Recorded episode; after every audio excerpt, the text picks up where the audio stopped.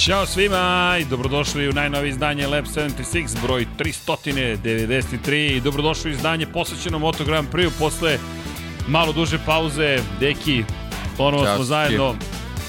Svi dobro? Dobro je. Malo je prošlo mnogo vremena. da. Da. Mi ćemo, ja ću ponoviti priču od ponedeljka za one koji prati Formula 1, možda već znate. Žao mi je što iskreno volao bih da nemamo još pet podcasta o Moto Grand Prix, da je drugačije su okolnosti, ali ne znam koliko ste ispratili ili niste, nažalost moj tata više nije sa nama. Negde drugde vozi krugove neke i dva dana kasnije lakše malo, ali ako krene neka suza opet ne zamerite, samo želim da vam kažem da je bio jedan divan tata, da nas je puno toga naučio, da je to jedan stari, iskusni novinar, koji za sebe ostavio neki lep trag, ja verujem, što bi rekao Deki Potkonjak, pre sam znao za Paju Ercega nego za Srđan Ercega. Ali da, dojanjen našeg novinarstva i ne zato što mi je bio tata i jeste još uvek gde god daje, nego zato što je stvarno bio deo te grupe novinara koja su pisala neke ozbiljne stranice srpskog jugoslovenskog novinarstva, to je iz neke druge sada zemlje, to je ekipa u kojoj su bili zaista velikani, on je jedan od poslednjih i srećan sam što je među poslednjima, žao mi što su njegove kolege i savremenici otišli ranije, ali volao bih da je još duže bio tu, no došao je trenutak da se razilazimo, posle 84 njegova kruga oko planete, oko sunca, ne oko planete Zemlje, i preminuo na svoj rođendan prošlog utorka, kad je trebalo da imamo podcast redovni, kada je reč o Moto Grand Prix-u. Pre toga smo otkazali onaj koji je trebalo tako uđe redovni, jer sam zajedno s bratom iz Čilea krenuo baš u utorak put Santiago, pa nazad za Evropu i ne zamerite što nas nije bilo kada je reč o motociklizmu i hvala vam što ste razumeli zašto nas nije bilo. Hvala Deki i tebi, Vlado, tebi i svima u Infinitiju koji nisu ni postavili pitanje, nego smo rekli, ok, te stvari Srećem se ne dešavaju često, ali kada se dešavaju moramo malo da zastanemo. Tako da smo mi malo zastali, neke priče su možda stare, nema nešto mnogo novih od, od onda, pa ćemo mi pričati o stvarima kojima smo želeli da pričamo još pre možda i dve nedelje i prošle nedelje, nekako nismo uspeli u tome, ali ja bih samo da vam kažem, ljudi, mazite se i pazite se i vozite računa jedni u drugima i generalno, eto, kažem, pozovite mame, tate, recite im, ej, volim vas, volim te, i uvek ponavljam, spusti brzo slušalicu ako ćete se posvađati, nije problem, ali posle kada, kada odu nekim drugim putem, ne možete da ih zovete. I to onda nije zabavno, moram da vam kažem, ali sam takođe zahvalan za život koji on imao i koji je zaista bio fenomenalan, deca, unuci, sve kako treba i iz te perspektive, ja se nadam da i on zadovoljan. Kako smo ispali? Nismo tako što bi rekao za konkretno Paju, Dekije i mene gledao je podcast. Niste tako loši. Hvala, i to nije nama rekao, nego moje mami. tako da, u to ime ljudi, ja ću samo da nazdravim, nemojte da pijete. Vozite večeras, auto je kod Srkija našeg velikog, tako da, ovo je za mog tatu i što kažu, oh, neka mu je laka zemlja. Nikad nisam bio dobar u ome, ali moj tata je zaslužio to. Tako da, ljudi, mi ćemo se fokusirati naravno na Moto Grand Prix. Život ide dalje, on je bio novinar i on bi rekao, ej, sine, ajmo, gotovo, vozi dalje. Tako da, znate, da ću ga spomenjati, gotovo sigurno njegove reči mudrosti, tek ću se sad setiti još nekih, ali moram da napišem knjigu, pošto on nije napisao kao što mi je obećao, a kada spomenju knjigu, čekaj, nisam teo da promovišem, ali moram. Gospodin Dejan Potkonjak je napisao novu knjigu, Vlado, nemam pojma da li imamo fotografiju naslovne strane, ali bit će verovatno u svakom slučaju Deki, Niki Lauda. Niki Lauda. Niki Lauda. Da, prošle nedelje 75. rođendan bi proslavio, pa eto, bila onako nekako uh, uh, dobra prilika da, da, da, da zaokružimo i tu priču vezanu za njega, eto, da, da kroz ovu knjigu podsjetimo malo ovaj, kako je taj čovek na raznorazne načine uticao na čak i na modernu Formulu 1, iako je davnih dana vozio pre nekih pola veka, ovaj, bio među prvima, stvari praktično četvrti vozač koji je stigao do, do tri titule, jedan i tri više. Jasno. Malo je Fangio, ovaj, ali generalno njegov uticaj osim kroz, kroz kroz godine dok se takmičio je bio izuzetno veliki. Kasnije ja sam čak neke stvari otkrio dok sam ovaj, se pripremao da, da stavim to sve, sve na papir u, u, u, u, u, u tu knjigu, tako da, da me samo još dodatno fascinirao. Inače, on je čovek zbog kojeg sam ja generalno počeo da pratim Formulu 1 zbog tog incidente udesa koji ima 76. godine. Ja sam svog tatu tako tih dana zapitkivao što, kako je to Što, moguće. kako, Čovek zašto? gori, izašao, kako je preživeo, da, i tako ti neki odgovori su mi onako bili fascinantni i tako u stvari sve to krenulo i zbog čega sam u stvari i ode večeras. da skratim Da skratimo priču. priču. Tako da Niki Lauda je, ovaj, da, on je zaslužan za, za, za mnogo stvari i za neke još i, i, i, i bočne stvari koje su se kasnije dešavale, tako da eto, posle Sene i, i Schumachera bio je red da, da, da nekako i, i to je taj njeg- njegov opus vezan za Formulu 1 nekako stavimo u jedan onako u jedan format onako ta, ta, ta knjiga kako smo osmislili generalno to da bude ta neka laka priča koja može onako brzo da se pročita, da, da ljudi koji i znaju, a i oni koji, koji ne znaju te neke, neke stvari iz istorije Formule 1 lako saznaju i eto možda nadam se bar barem donekle kao ja da se zaljube dodatno taj sport i da počnu sami da, da otkrivaju. Da, kada govorimo o, o, o ljubavi prema sportu, uskoro će početi sezona, pa će ljubav da dođe u potpunosti do izražaja, ali ja moram da kažem da je inače potpuno nova knjiga kada pričamo o, o novim delima, svaka ti čast. Jeste. Dakle, mi smo to krili, čak smo, čak smo svi, čak ja neću više da se hvalim, sam uspio da sakrijem, ali ovo je nešto što se stvaralo od, prošle godine. Pa krenulo. jeste, ovo je naravno nezgodno je, pošto Lauda je vozio neko vreme, nije bilo mnogo interneta, nije bilo mnogo nekih stvari koje, koje su ovaj, danas dostupne, tako da trebalo je pronaći sve te neke podatke i proveriti dalje, da li su istiniti i tako dalje, tako dalje, tako da je to onako malo potrajalo, nije to bilo nešto spektakularno naporno, nego jednostavno, eto, malo je više vremena oduzelo nego, nego kad se rade neke, neke druge stvari, ali generalno meni je samo bilo zanimljivije da, da, da ovaj, eto, na neki ovaj, staromodni način, tako kažem, kopaš po nekim stvarima i pronalaziš ovaj, neke podatke i, i, i ovaj, neke činjenice koje moraju da se, da se provere, tako da ovaj, potrajalo 6-7 meseci, onako bilo skupljanje nekog materijala, ovo je sve sa, sa, sa stavljanjem na, na papir, da tako kažem, tako da, ovaj, eto, ja sam ono, generalno uživo, nadam se da će i oni koji, koji budu čitali tu knjigu kao, kao što je bio i Sena i Schumacher, ali ono, ono što si rekao, mislim, Sena i Schumacher su ovaj, knjige koje su rađene za, za neke prethodni izdavača, ovo je prvo onako delo koje je isključivo pripada Infinity Lighthouse. Da, i moram ti priznati da je lep osjećaj da, da tako nešto potpuno novo se desi. Ne zamerite što posvećamo vreme ovoliko, ali prošle godine, nedelje smo zapravo planirali veliku promociju i priču i tako dalje.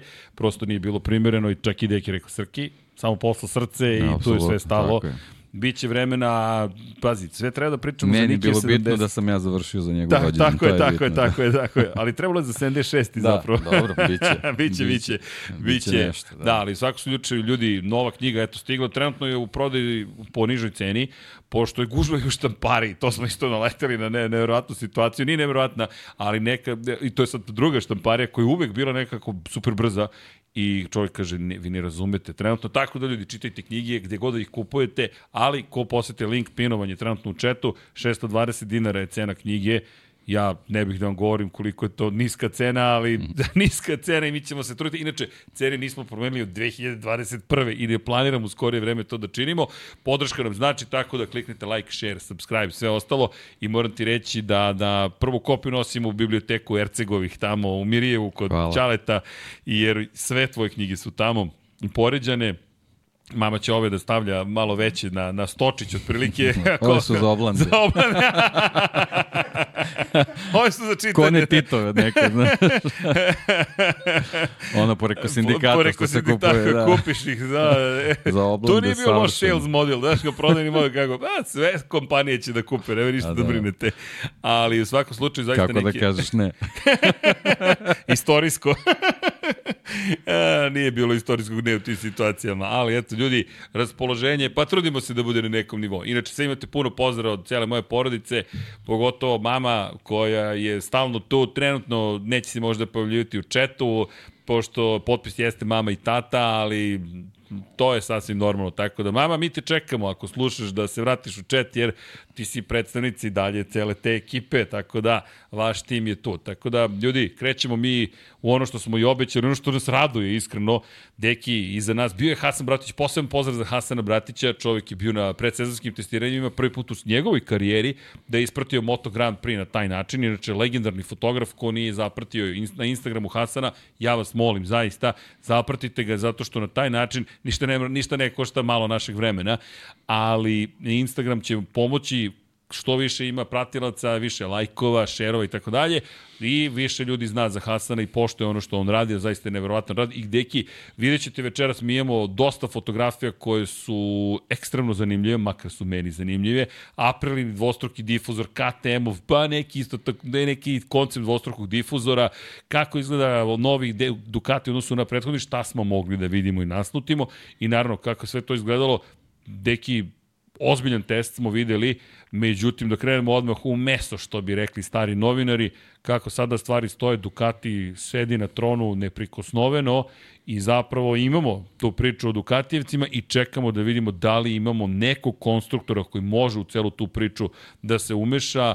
Katar će svakako dati prve odgovore već naredne nedelje, ali za sada Katar nam daje ove informacije. Kako je tebi izgledao ceo ovaj test za, u, u tih par dana i sve ono što smo mogli da vidimo? Pa, mislim, nekako je sve proteklo u principu manje više očekivano, jednostavno ovaj, ovo je era, era Ducatija dok se ta neka tehnička pravila radikalnije ne promene, ovaj koncept Ducatiju potpuno odgovara, oni su apsolutno komforni što se toga tiče, vrlo dobro znaju kojim, kojim smerom idu, ovaj, kad sezona odmiče već negde, negde na polovini oni imaju ovaj, priliku da, da počnu već da razmišljaju o sledećoj sezoni, dokle god je tako ovaj, oni, oni će biti ti koji će da diktiraju trendove što se tiče tog nekog razvoja, a na drugima je da ovaj pokušavaju da se dosete nekih nekih trikova vezanih za za ovaj elemente koje se nalaze na motociklima i eto da probaju da da preskoče ovaj taj neki neki deo zaostatka koji imaju trenutno za Ducatijem i da da da da ovaj ubrzaju svoj razvoj i da se nekako brže priključe toj priči koja u ovom slučaju znači e, mogućnost da, da se što više puta nađu u konkurenciji za pobede. Međutim, koncept je takav i već, već nekoliko sezona traje. Ducati ima četiri nova motocikla, četiri prošlogodišnja, s tim što vidimo da ti prošlo, prošlogodišnji dalje dobro funkcionišu i da, da, da rivali sa novim evolucijama nisu ovaj, u mogućnosti da, da, da potpunosti uhvate priključak, tako da kad imaš osam motocikala na gridu koji su vrlo, vrlo konkurentni, onda je potpuno, potpuno jasno da, da, da samo jedno ime što se tiče proizvođača mora da dominira, to je Ducati. Da, Ducati i kada pogledamo rezultate krugova, kada pogledamo rezultate vremena koji su ostvarili, inače kako komentarišeš vremena koje smo mi videli? Pa vremena, Srki, mi smo onomad da komentarisali od neka dva minuta na, na Sepangu, mi smo Daleko vidi, a sada na Kataru, ne, ne u Kataru, da. sad ovo što smo videli, teki mi smo 5 sekundi po krugu brži nego pre samo nekoliko godina. Tako je. Teki 5 sekundi na motociklu. U Formuli 1 je to ogroman napredak. Ja ne znam više gde će da izvuku vreme, ali izvući će ga. Inače, 28 I zašto nas juče nije bilo, bilo sedam dana mom tati, da ne zaboravim i taj moment zašto smo pomerili, izvinite, ali da se ne izvinjam više, danas smo videli i nove boje prima pramak Ducatija. Ajde da to isto spomenemo, mislim da to nije mala stvar. Samo kada govorimo, vratit ću se na ovo, prima pramak zašto mi je u glavi, pa kada pogledate vremena Jorgea Martina takođe, koji vozi za pramak ekipu. Inače, pramak koji je navodno već potpisao ugovor, izvinjam se, ali Digrese će se nametati sa Ferminom Aldegirom. To je Motorsport prijavio da je potpisan ugovor već za sledeću Pramakov sezonu. dan je danas bio. Pramakov dan, još, još promocija u, u sred gnezda Formule 1 onako, baš, je, baš je bilo ovako impozantno. Jeste, i izgledaju, mogu ti reći, moćno. Meni su ova, Ozbiljnije, ove što bi rekao Jorge Martin. Jel, jel deliš njegovo da, mišljenje? Da, da, apsolutno, apsolutno. Ovo, jedna, jedna od lepših uh, livreja na, na gridu i onako ovaj, ekipa koja jeste satelitski tim, ali nekako svojom pojavom je ovaj, sad stavila do znanja da, da da želi da to, to satelitski bude samo praktično na papiru, da to bude e, više u nekom terminu neki fol, polufabrički tim. Meni, buk, e, baš si lepo rekao, polufabrički tim, mislim da to naj, najadekvatniji zapravo izraz. Vlado, šaljem ti da vidiš kako, kako to sve, da svi zajedno vidimo zapravo kako izgleda, ali Pramakovci su današnji dan izabrali zapravo za promociju poslednji tim koji se prezentuje u Moto Grand Prix i pričali smo kada smo dobili datume o tome kada će se šta dešavati da to čekanje pred sam početak sezone nekako deluje tako čudno, ali moram ti reći Pramak da je dosta... Infinity Lighthouse, znaš, ne, ne moraš ništa na početku, polako mora sve to da da se skuva, da bude kako treba i onda da se da se pojavi. Ali, ali kad se uradi, ali, ali kad, kad se uradi, uradi, to je to. ali kad se uradi, ne, stvarno, zaista, šalno strano, stvarno izgleda onako, ovaj, ne znam, nisam, nisam uspio da pročitam ko je, ko je dizajner, ko je autor ovaj, ovaj oklopa, ali, ali generalno ovaj, jedno, jedno od lepših, lepših dizajna koje smo videli, ovaj, kako bih rekao, pre svega je neočekivan i onda se uklapa u, u tu celu priču neočekivana uspešno. To je onako baš lepo. Ja moram ti priznam da sam već počeo da, da, da bivam skeptičan po tome Pogotovo posle uh, prezentacije Gresinija. Pogledaj ovo, deki, čekaj, uz ovaj poljubac. Meni, ljudi, ovo izgleda fenomenalno. Jedno čekam pod svetlima reflektora u Kataru. Možda su i zato čekali da ne otkriju pod svetlima reflektora kako izgleda boja, nego ajde kad sve prođe. Inače, sa leve strane Jorge Martin desno, Franco Morbidelli, i Frankova ova zelena boja koja potpuno odstupa zapravo od ostatka mi se dopada, bit će lako prepoznati i malo mi izgledaju kao Night Rider, malo onako izgledaju mračno, znaš, ali kao neki osvetnici malo imaju tog Batmanovskog u sebi, makar sam ja to tako doživeo i moram ti priznati, deluju mi kao oni tim, da. e, mi smo Dark Horses, mi ćemo ovo da... Pa ne, ali generalno vidiš sa, sa, sa ovaj, sad baš ova, ova poslednja fotografija koju su imali praktično se samo, samo kačket Jorge Martin u stvari asocira na, na onaj onaj pramak, onaj pramak stari. Pramak, pramak. stari, ovde bukvalno dominiraju samo boje generalnog sponzora i Ducatijeva crvena. I to je ono što što u stvari nagoveštava i nekako i nekako i te ambicije. Mislim mi smo performanse motocikla videli boje, ne mogu da ga ubrzaju, ali generalno ovako kad kad vidiš da imaš ovaj nešto što je praktično odstupilo od, od, od tradicije samog tima, nego je usmereno na, na generalnog sponzora koji stvari omogućava da ta čitava priča bude tako ozbiljna i, i nekoga ko stoji iza svega kao što je Ducati, onda kad vidiš da su samo te dve boje dominante, od, od, ti je potpuno jasno ovaj, kakve su i ambicije E, pramaka i generalno su ovim, možda ovim i žele da to i da dokažu i pokažu. Jel ti djeluje kao da je ovo onaj čuveni moment statement? Imamo nešto da, da kažemo? Da, da, upravo to, ali, ali kažem, pre svega te reakcije vozača su mi onako ovaj, upečatljive, pre svega Jorge Martina koji onako ovaj, nekako je dobio poruku da bez obzira što je ostao u pramaku, da je on u stvari faktički pravi vozač Ducatija jeste pravi, vidi, vidi, uz potpis, ako je istina Fermina Aldegera za narednu godinu, to znači neko odlazi iz ekipe. E, Franco Morbidelli najvjerojatnije ne odlazi iz ekipe, to znači da imamo potvrdu još jednom da će Jorge Martin da napusti tim, gde se opet pritisak odmah prebacuje na Eneu Bastianinija. Zašto odmah spomenjem Eneu Bastianinija? Pa neminovno je da, da, da se priča o tome. Enea pritom, ajmo ovako, kako posmatramo testovi iz perspektive, ne fabrika, vratit se na fabrike, ali pojedinaca. Meni delo da je Francesco Banjaja i tekako spreman za treću uzastupnu titulu i da je zapravo u svom duhu ono što je postigao prošle godine, odbranio titulu, sada to iskoristio da još jednom napreduje i mene, moram ti priznati da mene fascinira njegova sposobnost da i dalje napreduje. Upravo to, ako, ako je sposoban da sve te neke nedostatke koje ima u prethodne dve sezone sada anulira, a to znači da da mora da bude na vrhunskom nivou čitave sezone. I ako to uspe, onda stvarno ako je iko imao ovaj, neke sumnje vezano za Francesca Banjaju ili nešto da mu zameri, on, on, on je u prilici da to ove sezone apsolutno opovrgne i da sa, sa osvajanjem treću zastupne titule apsolutno postane velikan ovog sporta, tako da nema, nema ovaj, više nikakvih elemenata da, da, da drugačije možda se pos, posmatra njegov nastup u, u Moto Grand Prix. Ali kažem, mislim, bit će jako teško, ali on je ovim testiranjima stvarno pokazao da je, da je vrlo svestan šta je u stvari još potrebno da uradi da, da njegova sezona bude savršena. Kada pričamo, pa, pazi, šta bi bila savršena sezona u ovako kompleksnom Moto Grand Prix? 22 trke, to je 44 uz sprint. E, izvini, ali pošto si spomenuo savršenstvo, koji, šta bi posmatrao kao savršenstvo je da posle svakog trkačkog vikenda bude prvi na tabeli, bez obzira da li je okay. da li su pobede u nizu, nego jednostavno znači da od prve trke zauzme čelnu poziciju i da je sačuva do kraja sezone. To je što je to je što se mene tiče ovaj savršenstva. Dobro, imamo, imamo definiciju savršenstva za potrebe, naravno. Za, za potrebe, za ovo je stvarno mnogo je, mnogo je duga sezona i sad tu očekivati neki, neki basnoslovni broj pobjeda, mislim da, da, da nije realno, a pričat ćemo dalje ovaj, ko tu sve može da, da, da pomrsi konce, ali generalno, ovaj, kažem, mogućnost da, da tokom čitave sezone budeš na, na prvoj poziciji u generalnom plasmanu, to je onako za mene izuzetno dostignuće u Moto Grand Prix, ovom modernom Moto Grand Prix. Da, kada pričamo inače o rezultatima, konkretno Francesco Banja je završio test u Kataru na poziciji broj 1, test koji se vozio tokom dva dana, 19. i 20. februara i vreme je bilo 1.59.52. Kada pričamo o tome šta to konkretno znači u celoj ovoj priči, ako pričamo o, ajmo da se vratimo u prošlu sezonu, Dakle, samo se vratimo jednu godinu nazad, u 2023. Šta smo videli konkretno tokom velike nagrade Katara?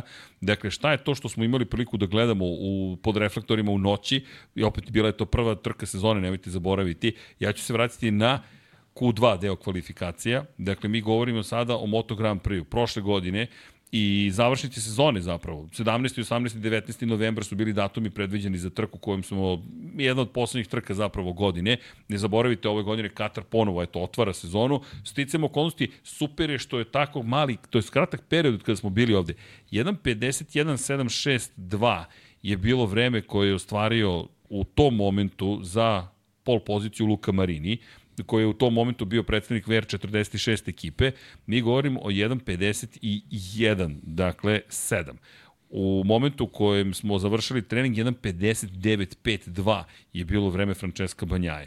Ako hoćemo čak i da se vratimo na to zapravo kako su stvari izgledale tokom godine unazad, teki, ovo je neverovatno zapravo napred. Ovo je nefascinantno gde smo se mi pomerili. Rekord inače same staze je upravo bio 1.51.762 i upravo ga postoji u tom trenutku Luka Marini. Deki, mi smo skoro celu sekundu brži samo par meseci. Pa da, kasnije. definitivno timovi ovaj, počinju da uče ono što je Formula 1 osvojila pre nekoliko decenije, to je ovaj, kako, da, kako da ukrutiš vazduh i deluje mi da, da ovaj, to počinje da bude sve dominantnija stvar u Moto Grand Prix-u. Mislim, mi najavili smo to pre, pre dve sezone pre, da, da, pre, da se da, kreće, pa i više. da se kreće tim smerom, tako da to je, to je jedan od, od predominantnih elemenata vezanih za, za, za ovaj napredak, ali kao što, kao što smo mogli da vidimo i, i, i tokom, tokom testiranja i kroz neke najave u finišu prošle sezone, u svim ostalim paramet, parametrima generalno uh, ekipe ovaj pronalaze neke, neke, neke sitnice koje, koje su u stanju da isprave u odnosu na, na prethodne evolucije i sve to u zbiru donese tako, tako fascinantan napredak koji stvarno ovaj, nismo možda mogli da očekujemo, ali nekako smo se ovaj, generalno i nadali da bi, da bi sa, sa ovakvim radikalnim promenama, pre svega u tom dizajnu motocikala vezanih za, za, za aerodinamičke elemente mogli da dobijemo. Da, inače u ovom momentu možete da pročitati lepe zaista tekstove Meta Oaksley, poslušati njegov podcast sa, sa Peterom Bomom, je napredak, dakle, pomereni na artificial intelligence zapravo. AI se sve više koristi. Inače, mi ćemo imati specijalnu emisiju posvećenu upravo tome kako se artificial intelligence koristi, što u medijima, što u konstrukciji, pa čak i bolida. E, imaćemo, nadam se, i gosta, nadam se da će Boro, GPT popularni, da nam se Borislav pridruži, jedan od naših kolega, prijatelja, iz Banja Luke koji je, moram priznati, u poslednje vreme baš raznovrsna rešenja ponudio što na Instagramu, što generalno, ali zašto to spominjamo? Spominjamo zato što Vlado poslaću fotografije dakle, o kojima smo mogli samo da sanjamo kada je reč o testovima. Na primjer, Hasan Bratić, međutim, bio je tamo i sad mi imamo priliku zajedno s vama da podelimo fotografije. Prošli put kada smo bili na stazi, bilo je u Valenciji, dakle, postsezonska testiranjima. Neke elemente ćemo izdvojiti. Sad, Ducati, moram priznati da je dosadan zapravo postao, zato što je to sada već toliko stabilno i toliko je to sad pitanje evolucije, da mi zapravo kod drugih tražimo neka neverovatna rešenja. Meni je mnogo zanimljivo, moram predstaviti da bacimo pogled na Hondu, na primjer, da bacimo pogled na zadnji kraj Aprilije, da zadnji kraj KTM-a, jer ako pogledamo zadnji kraj za početak Ducatija, to izgleda dosta slično onome što smo već imali priliku da vidimo Neka ostane fotka, čisto da, da zapamtimo. To, to, to su, dakle, krilca koja su razvijana u poslednjih par sezona na zadnjem kraju. Zašto sam namjerno izabrao zadnji kraj? Zato što kada govorimo o Ducatiju, imam osjećaj da su oni zapravo na nivou zaista Adriana Njuje u Formuli 1. Za one koji ne znaju, Njuj nije vladao samo aerodinamikom, on je čovjek koji vladao oslanjanjem i on se mnogo, mnogo, mnogo, mnogo bavi zapravo ponašanjem automobila, to je bolida pri kočenju i vi kada posmatrate koja su rešenja koje primenjuje zapravo, on se zaista bavi nečim što se suštinski gotovo ni ne vidi. Kod Formula 1 se malo više vidi nego kod Moto Grand Prix-a, ali kada govorimo o konkretno ovim rešenjima, poslućaju sada još jedno čisto da vidite. Tu se možda ne Nisu vidi... dobro Lenovo nalepnicu zalepili, ima vazduha u... da, da, da, da, da, da. Na brzinu su lepili. Da, e pa dobro, pa trčalo se na stazu, ali šaljem zašto? Zato što ovde se zapravo ne vidi jasno da je u pitanju dva, da su u pitanju dva reda vertikalnih stabilizatora, to jest vertikalnih površina koje i tekako treba da pomognu u krivinama zapravo. Mi ovde govorimo o tome kako će da prijenje zadnji kraj u krivinama kada ste oboreni bilo na levo, bilo na desnu stranu. Istovremeno ono što ne znamo zapravo jeste Ducati kako uspeva da bude toliko stabilan i na dodavanju gasa i na kočenju. Moje mišljenje je da je oslanjanje zapravo veliki deo rešenja. Vidjet ćete i na što su se fokusirale druge fabrike. Prvo Apriliju ćemo da izbacimo. Zašto? Zato što moram reći da je Aprilija ta koja je ponudila nešto što nas je oduševilo već na prethodnim testiranjima, ali smo sada dobili priliku zapravo da vidimo bukvalno iza kulisa kako ta Aprilija izgleda i pogotovo taj zadnji kraj. Dakle, ovo je inače, ako možete vidjeti, dakle, iz neke, da kažemo, bočne perspektive, jasno se vidi da imamo dva reda zapravo zadnjih krila, sta, zadnjih stabilizatora. E sad, kada pogledamo Aprilija kako izgleda, vidjet ćete da je Aprilija baš pod uticajem, pretpostavljam, Massima Rivole, otišla jedan na jedan na Formulu 1. Dakle, to je motocikl koji izgleda gotovo u potpunosti kada je inspirisan Formulom 1. Pokazat ćemo vam za početak taj zadnji difuzor, ali jedan difuzor, ne dvostruki difuzor. Obratite pažnju. Dakle, oblik samog donjeg dela sedišta je dosta drugačiji u odnosu na Ducati. Sad ću poslati još jednu perspektivu Ducatija, čisto da vidite i namjerno se malo fokusiramo na tehničke aspekte tokom ovog podcasta, jer konstantno pričamo o rezultatima. Ducati je ljudi razne u konkurenciju. Bukvalno, banjajno vreme ispod 1.51 je frapantno za Katar. Zaista, mi govorimo o tome da ako se vratimo 5 godina unazad, dakle, odemo na 2019. godinu i opet ponovimo veliku nagradu Katara i kažemo koje vreme smo imali u Q2 delu kvalifikacija. Maverick Vinales je osvojio pol poziciju sa 1.53 5, 4, 6. Ljudi, 2019. mi smo imali 1.53 5, 4, 6. Deki, sad smo na 3 sekunde napretka od 2019. A govorimo o periodu tokom COVID-a, kada si imao manje mogućnosti razne stvari da radiš. Pogledajte zadnji kraj Ducatija nema ništa slično ovome što je uradila Aprilija. Dakle, imate različite rešenje. Ti si baš govorio o tome koliko Aprilija zapravo otišla nekim drugim putem. Meni je ovo fenomenalno, moram ti priznam, što su različiti pristupi. Pa to je, to je jedini put gde, gde možeš na, na, na nekom prečisom da se, da, se, da se približiš rivalu koji je dominantan. I ja mislim da to ovaj, zaslužuje pohvalu pre svega za, za, za hrabrost. Ovaj. Uh, za sve što radi Aprilija, posebno što su oni već uh, nekoliko sezona, znači oni su već u, u seriji inovacija koje pokazuju da, da žele da krenu svojim putem, da nisu samo ovaj, uh, rivali koji kopiraju najuspešnijeg. Naravno, uh, neka osnova u, u, u svemu čemu je Aprilija uh, ovaj, započela svoj razvoj vezan za aerodinamiku je počeo na nekim osnovama koji, koji Ducati radio, ali generalno u jednom trenutku su došli na, na, na tu neku raskrsnicu i odlučili, odlučili da krenu svojim putem i meni to onako apsolutno za pohvalu, posebno zbog toga što sad posle ovih poslednjih testova ja moram da priznam, mislim, nekako mi je delovalo da je KTM taj koji je u ovom trenutku bio najpribližniji da, da, da ugrozi Ducati, međutim posle ovih poslednjih testova deluje mi da da je Aprilija možda, možda nekako najbliža, Aleš je meni fascinantno, potpuno mi neverovatno da, da, da, da ću moći da izgovorim da, da mi deluje da je ponovo u dobroj formi, već koju sezonu za redom, mislim čovjek koji je ono već veteran, već praktično treba da, da završava karijeru, deluje mi stvarno jako ozbiljno na, na, na tom motociklu, ovaj, jedino što eto, tu su se pojavili neki, neki problemi ovaj, za, za Miguel Oliviru i za, za Maverika Vinjales, oni će ovaj, verovatno da, da, da se više oslone na, na prošlogodišnju verziju ovaj, na prošlogodišnju verziju o, o Aprilije. I ono što je fascinantno, oni su kroz čitava testiranja došli do zaključka da apsolutno nemaju potrebu da, da rade evoluciju motora da je agregat sasvim zadovoljavajući sa performansama iz, iz 23. uz, uz neke neophodne izmene koje su trebali da urade, što je onako o, prilična pohvala ekipi koja je koja je radila na aerodinamici motocikla. I gledaj sad ovo, dakle, gornji kraj takođe je drugačiji u odnosu na ono što bismo redovno videli na motociklu. Međutim,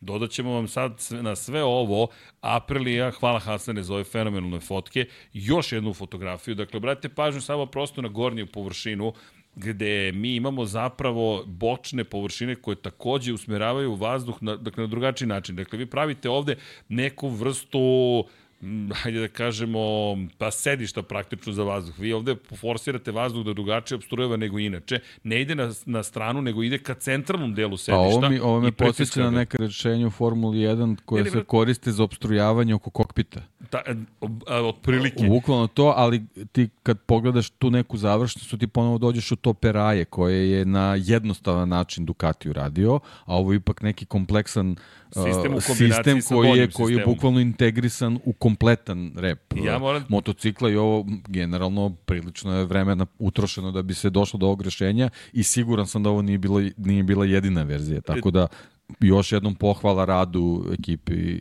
Aprili. I sad me dovodiš na sledeću fotografiju. Brate pažnju na ove dve fotografije. Sada imamo dodatnu površinu. Vlado, molim te, vrati u nas. Prodovani difuzor. Za one, tako je, ne, sad imamo dupli difuzor. Ovo je sada, ovo je Bron Grand Prix. Da, da. Dakle, brate pažnju, za one koji su na audio platformama, volao bih da, da jednostavnije opišemo, ali verujte, mi sada gledamo jednu veliku rupu praktično ispod, tačnije površinu koja je ograničena bočnim zapravo ivicama, gde se zapravo trudi da se postigne takvo obstrajanje vazduha da vi stvorite difuzor. Šta, šta treba da uradi difuzor? Difuzor zapravo treba da obrate pažnju tamo ispod RSGP 2, 24 i SC Project. Imate prorez za vazduh. Dakle, tu dolazi i tu se formira polje većeg vazdušnog pritiska. Ispod formirate polje niskog pritiska i kod difuzora dolazi do izjednačavanja. Difuzor između ostalog služi, služi da smanji vazdušni otpor prilikom izjednačavanja pritisaka, pošto se to dešava tačno iza ovog sedišta, dakle iz ovog difuzora koji je sedište. Inače, zato se i formira vrtložni vazduh i zašto sada sve više imamo problema u preticanjima u Moto Grand Prix. Ali, ajmo sad na ovu poslednju fotografiju, obratite pažnju, ubacite još jednu površinu u celu tu priču, vi dobijete do dvostruki dvostruki difuzor. Dakle, mi sada imamo kombinaciju dvostrukog difuzora koji Aprilia pokušava da iskoristi. Pri čemu, ako znamo da je produvani difuzor, što smo videli na prethodnim fotografijama, da guraju topao vazduh unutra ispod sedišta, makar je to bilo jedno od rešenja koje su testirani, mi dođemo do toga da Aprilia ima vrlo ozbiljne namere ne, sa zadnjim krajem. Ne, i onda dolazimo do toga zašto su se dešavala pregrevanja u finišu prošle sezone. Vrlo zanimljivo, Jel, deki očigledno da su tu već rađeni, rađeni eksperimenti i onda ovaj, ovaj sračunati potez da se u Maleziji ne pojave s ovim rešenjima, zato što bi time rivalima dali dovoljno vremena da možda pripreme svoje verzije za početak sezone. Ovako, Ovako je ostavljaš kasno. najmanje moguć, pa najmanju pa kasno količinu je već, vremena. Realno je kasno, jer ovo su neke stvari koje ipak moraju da, da, da prođu neka testiranja i neke vazdušne tunele, tako da, da nije dovoljno tek tako ovaj, iskopirati kao što je recimo moguće mislim da banalizujem iskopirati to Ajkulino peraje koje, koje je Ducati ovaj, primenio kao svoje rešenje. A gledaj ovo, ovo je sada treća kombinacija. Naravno, pa da. Bez difuzora zapravo klasičnog i ovo deluje kao klasično sedište Pa ovo, da, ovo mi deluje kao verzija koju Vinjales koristio, pošto je rekao da mu, da mu ova, ova, ova, uh, ova, ova verzija sa, sa difuzorima pozadi ne odgovara. I sad dolaziš do, do problema potencijalnog, čiju verziju razvijaš dalje. Da li možeš dovoljno, da li imaš dovoljno kapaciteta i za jedno i za drugo. I fokusiramo se na Apriliju, pošto Aprilija uz novu ekipu, dakle uz tim koji Trackhouse, koji je prilično moćan u američkim uslovima. I Vlado, posle sam još, ima još, slobodno ti ne moraš pa, nas da prikazuješ. Ono što je Simon Krejfar otkrio, on je nekim svojim razgovorima ovaj, sa, sa ljudima unutar Aprilije došao do zaključka da vozači koji su niži rastom uh, se teže prilagođavaju aerodinamičnim verzijama oklopa. Valentino Rossi da se vrati, je to? Pa, do prilike. Da. Evo kako izgleda iz druge perspektive. Hasan, čovek koji je toliko iskusan u Formulu 1, naravno fotografisao je intrigantni element. Sa velike udaljenosti. Da, da.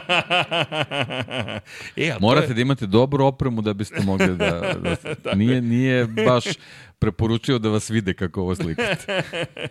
Ali Hasan koji je bio u Kataru i koji je ozbiljnu kilometražu pešačenjem stvorio, ali kada ste na testiranjima, da, najviše vremena, ne najviše, ali vremena dosta provedete u po garažama i onda špionirate i slikate i tako dalje. Inače, ovo su ekskluzivne fotografije. Hasan ovo nije ponudio ni jednoj agenciji, samo za Infinity Lighthouse i Lab 76 je ove fotografije postavio i mi smo mu prezahvalni na tome. Bukvalno ovo ne može niko da dobije od Hasana Bratića osim nas trenutno.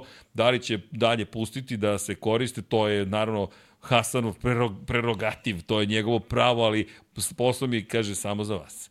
I ovo je išlo nekim drugim putem, tako da znate, ali ja se nadam da ćete vi biti više nego zadovoljni. U svakom slučaju, kada pričamo o Hasanu Bratiću, samo da mu kažemo hvala. I pogledajte sada ovo. Ovo su bočni otvori, apropo hlađenja. Deki, šta sada? Dakle, gde, gde je sledeće polje razvoja u celoj ovoj priči? Dakle, mi sada, i pogledaj širinu bočnih tamo pored džepova, e, zapravo ovog mehaničara, pogledaj po širinu zapravo površine koja, dobro veče, koristi koanda efekat da spusti sad, i sad ti izbacuješ kroz ove proreze topao vazduh, a potom šalješ od ozgo vazduh na dole da ga spusti skroz dole. E sad, ono što mene zanima, da li će početi da ga usmeravaju takođe negde tamo ka zadnjem kraju jer ovo sve zajedno je sve kompleksnije i kompleksnije. Dobro, da, i čekamo da vidimo da li će ovo da se ustali na verzijama koji će naći, naći na stazi ili je samo još jedan još jedan eksperiment, ali ovo je generalno viđeno već prošle sezone, tako da mislim da su ovo već neke faze koje se tiču usavršavanja ovih elemenata odvod vazduha vezano za hlađenje, a i, a i da, da se iskoristi za, za sam potisak. E, u svakom slučaju, eto, Aprilia nam je dala mnogo zanimljivih detalja, ali ljudi nije to jedini tim koji nam je dao mnogo zanimljivih detalja. Mi ćemo se pozabaviti i KTM-om i Gas Gasom i naravno tom pričom zapravo o tome da li Pedro Acosta može da slomi rekord Marka Markeza o to, i da li će postati najmlađi pobednik. Ima 10 prvih trka sezone da postane najmlađi pobednik u istoriji Moto Grand Prix-a i slično Maxu Verstappenu koji kao maloletno lice započeo karijeru u Formuli 1 i postao najmlađi pobednik, može se desiti zahvaljujući promenama u pravilniku po pitanju godišta da je on zaista čovek koji će postaviti neki rekord koji će još dugo, dugo dugo zaista stajati. E, inače, tražim sada samo za KTM, moram da vam pokažem za KTM kako izgleda zadnji kraj, pošto je to takođe jedna fenomenalna stvar, pošto je potpuno sada, ne potpuno, ali drugo rešenje. Šta je problem kod ovog rešenja, uslovno rečeno kod Aprilije? Problem leži u tome što je njega teško promeniti. Dakle, vi ovde menjate kompletnu konstrukciju pozadi. KTM je otišao na malo drugačiji put i vidjet ćete opet iz bliza, pošto je Hasan, jel te, i to fotografisao iz najveće moguće blizine, kako izgleda zapravo zadnji kraj i opet nešto što bih možda nazvao dvostrukim difuzorom kod KTM-a. I vidjet ćete poređenje zapravo sa gas gasom, makar sa gas gasom Pedra Costa, jer fokus jeste bio u velikoj meri na tome šta radi Pedro Costa, koliko god mi pričali o drugim vozačima iz njegove generacije, deki Pedro Costa već sada zaista velika zvezda. Velika zvezda i ono što je, ajde što smo mi pričali o tome, to sad mogli smo i da pogađamo i nagađamo, ali meni je, meni je fascinantno što, što generalno neki jako bitni ljudi koji se nalaze ovaj, u padoku Moto Grand Prix-a sve glasnije počinju da pričaju o tome da ih je Pedro Costa fascinirao što ovaj, nastupima na stazi, što generalno ponašanjem u garaži i načinom kako, kako komunicira sa ekipom i kako ovaj, postavlja neke svoje, svoje sisteme rada koje, koje tamo vrlo lako prihvataju, a to je odlika ovaj, vozača koji ono, su veliki šampioni i, i, i velike zvezde, tako da ako ostaje već ovaj, posle nekoliko nedelja praktično koje je proveo u, u, ovaj, u padoku Moto Grand Prix-a se etablirao kao, kao čovek koji je ovaj, vrlo samouveren, eh, zna kakvi su mu planovi, zna svoje potencijale i sad je samo pitanje vremena praktično kad će, kad će moći da bude uh, apsolutno konkurentan, pošto je pokazao i da, da, da, da i na nekom motociklu koji možda ne spada u sam vrh trenutno ovaj, može da, da, da beleži zadovoljavajuće rezultate koji daju u stvari ovaj, tu perspektivu kakvi su njegovi dometi. Da, inače, Pedro Acosta ove godine u Gas Gasu sigurno, ali ugovor ističe na kraju sezone. E sad, bacit ćemo pogled na KTM i ovo što si rekao jeste odlika velikih šampiona. Ti dolaziš sa svojim setom razmišljanja, mindset, dakle, način razmišljanja je malo drugačiji, uklapaš se ono što ekipa traži tebe, ali takođe tražiš evoluciju u okviru teh tri tima i naravno KTM-a i to dobijaš. I velika podrška Red Bulla, ja mislim to što je Red Bull onako lepo izbrendirao ceo taj motocikl, vrlo jasno govori ljudi, mi ovog momka želimo. Inače, kada spomenjemo Red Bull, samo da napomenem, ako nisam na početku više se ne sećam, Christian Horner je oslobođen svih optužbi da za nedolično ponašanje ostaje trenutno na poziciji šefa ekipe Red Bull Racinga u Formuli 1. Velika stvar, sutra počinje sezona Formula 1 od 12.30 minuta prvi trening, četvrtak, petak, subota i trke će biti u subotu i ova i sledeća. Ramadan počinje sledećeg vikenda, točnije u nedelju 10. marta i samim tim pomerena trka u Saudijskoj Arabiji i da bi bilo prostora između prve i druge trke od 7 dana pomerena i trka u Bahreinu. Tako da kreće akcija. Ja, u subotu se družimo. U subotu se... A, ja, da, da, da, izvinjam se. Ljudi, Svemirski ranč, to, to mu je zvanično sada ime. Da će se promeniti, nemam pojma. Morali su Svemirci negde da se pojave, ranč je morao da ostane. Vi ste, neko od vas je napravio rana č, č, č, č na Google mapama, tako da nemam pojma šta da vam kažem osim hvala. Mi sad ćemo da preuzmemo tu lokaciju da je uredimo, preselit ćemo se dole, još neće studio preći, ali će cijela ekipa preći u kontekstu toga da ćemo... Dnevno. Dnevno, Dnevno imati tamo dole, kancelariju. Da, da. Pa ako ste dokoni, moći ćete da svratite. Stiže nam, nadam se, jedan ozbiljan kafemat u skorije vreme, ali možete uvijek da dođete na čaj, možete da dođete na neko pivo, možete da dođete na Pepsi, možete da dođete, nemam pojma, osvežavajuće napitke, dođete da se družite s nama. Nama ideja nije da bude klasična klasičan ugostiteljski objekat, ali će se stalno vrteti trke i utakmice sad zavisnosti ko dođe, da li neko voli Moto Grand Prix, Formula 1 ili NFL, to će se vrteti pa ko hoće da svrati u jedan kreativni prostor i da se druži, izložba je stalno postavljena, mi ga gradimo, malo je sporije nego što smo mislili, ali nismo baš ni znali u što se upuštamo, ali zar nije to poenta cele priče? Elem, pogledajte u što se upušta KTM. Nije ni Aprilija. Pa nije ni Aprilija, to ti kažem, ali pogledaj sada u KTM šta, u što se upušta. Vlado, ako može ova fotka, deki, je li ovo trostruki difuzor? Šta je sada ovo? Dakle, sad imamo tri površine. Jeste, koje... ali nadogradnje. Ali znači, nadogradnje. Ovo je neki, da kažemo, Ducati stil, variacija e, to to. Ducati stil. Znaš, ti ne menjaš dole, donji deo, ti ne menjaš celo sedište, ti ovo možeš da promeniš. I to je ono što je drugačije odnosu na Apriliju. Aprilija je možda otišla nekim putem koji je dramatičniji, ekstremniji, ali je i teži za promenu. Ovo je već lakše za promenu i nije nešto što nismo videli da je testirano tokom prethodnih godina.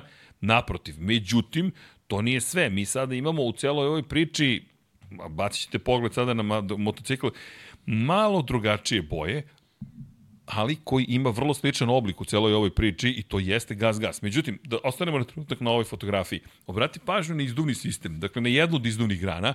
Inače, kao što možete vidjeti, i dve ulaze u ovu jednu i završava se na centralnoj poziciji. To baš nismo viđali u poslednje vreme.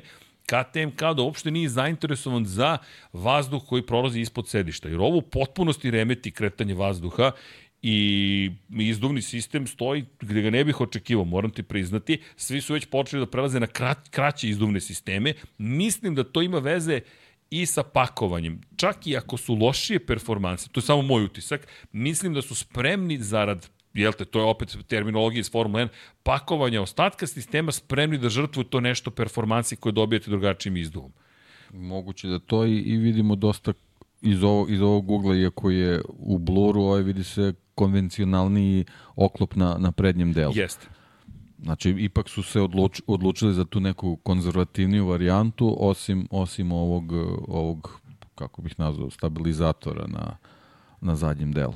E sad, d- jedan od, pošto imamo I to su sad u stvari tri koncepta imamo. Ducati, Aprilia i KTM su neki koji su ovaj, u, u nekom trenutku razvoja krenuli, svako krenuo nekim svojim ovaj, rezonima i onda smo, evo, znači na početku, smo negde. na početku sezone 2024. došli smo do neka tri onako potpuno ovaj, različita koncepta uh, shvatanje tog obstrujavanja vazduha oko, oko repa. Da, inače, kada pričamo, na primjer, o izduvnom sistemu, eh, evo da bacimo pogled na gas, pa ćemo onda na Ducati, čisto da vidite gas iz ove perspektive. Opet, priča o izduvnom sistemu i o ovom trostrukom difuzoru, ili kako god da ga zovemo. Odavde se jasnije vidi zapravo kako, kako su sproveli ceo sistem I kada pogledate, deluje da će biti dosta slični zapravo Gas Gas i KTM. Sad mi čekamo konačnu odluku o tome kojim putem će ići čelik, ugljenična vlakna ili ne. Deluje deluje u ovom trenutku da će uskoro svi preći zapravo na ugljenična vlakna i čini mi se da KTM počinje polako da svoju filozofiju modernizuje zakleti pobornici korišćenja čelika kao da su počeli da govore nešto drugo. Od sada mi smo u ugljeničnim vlaknima.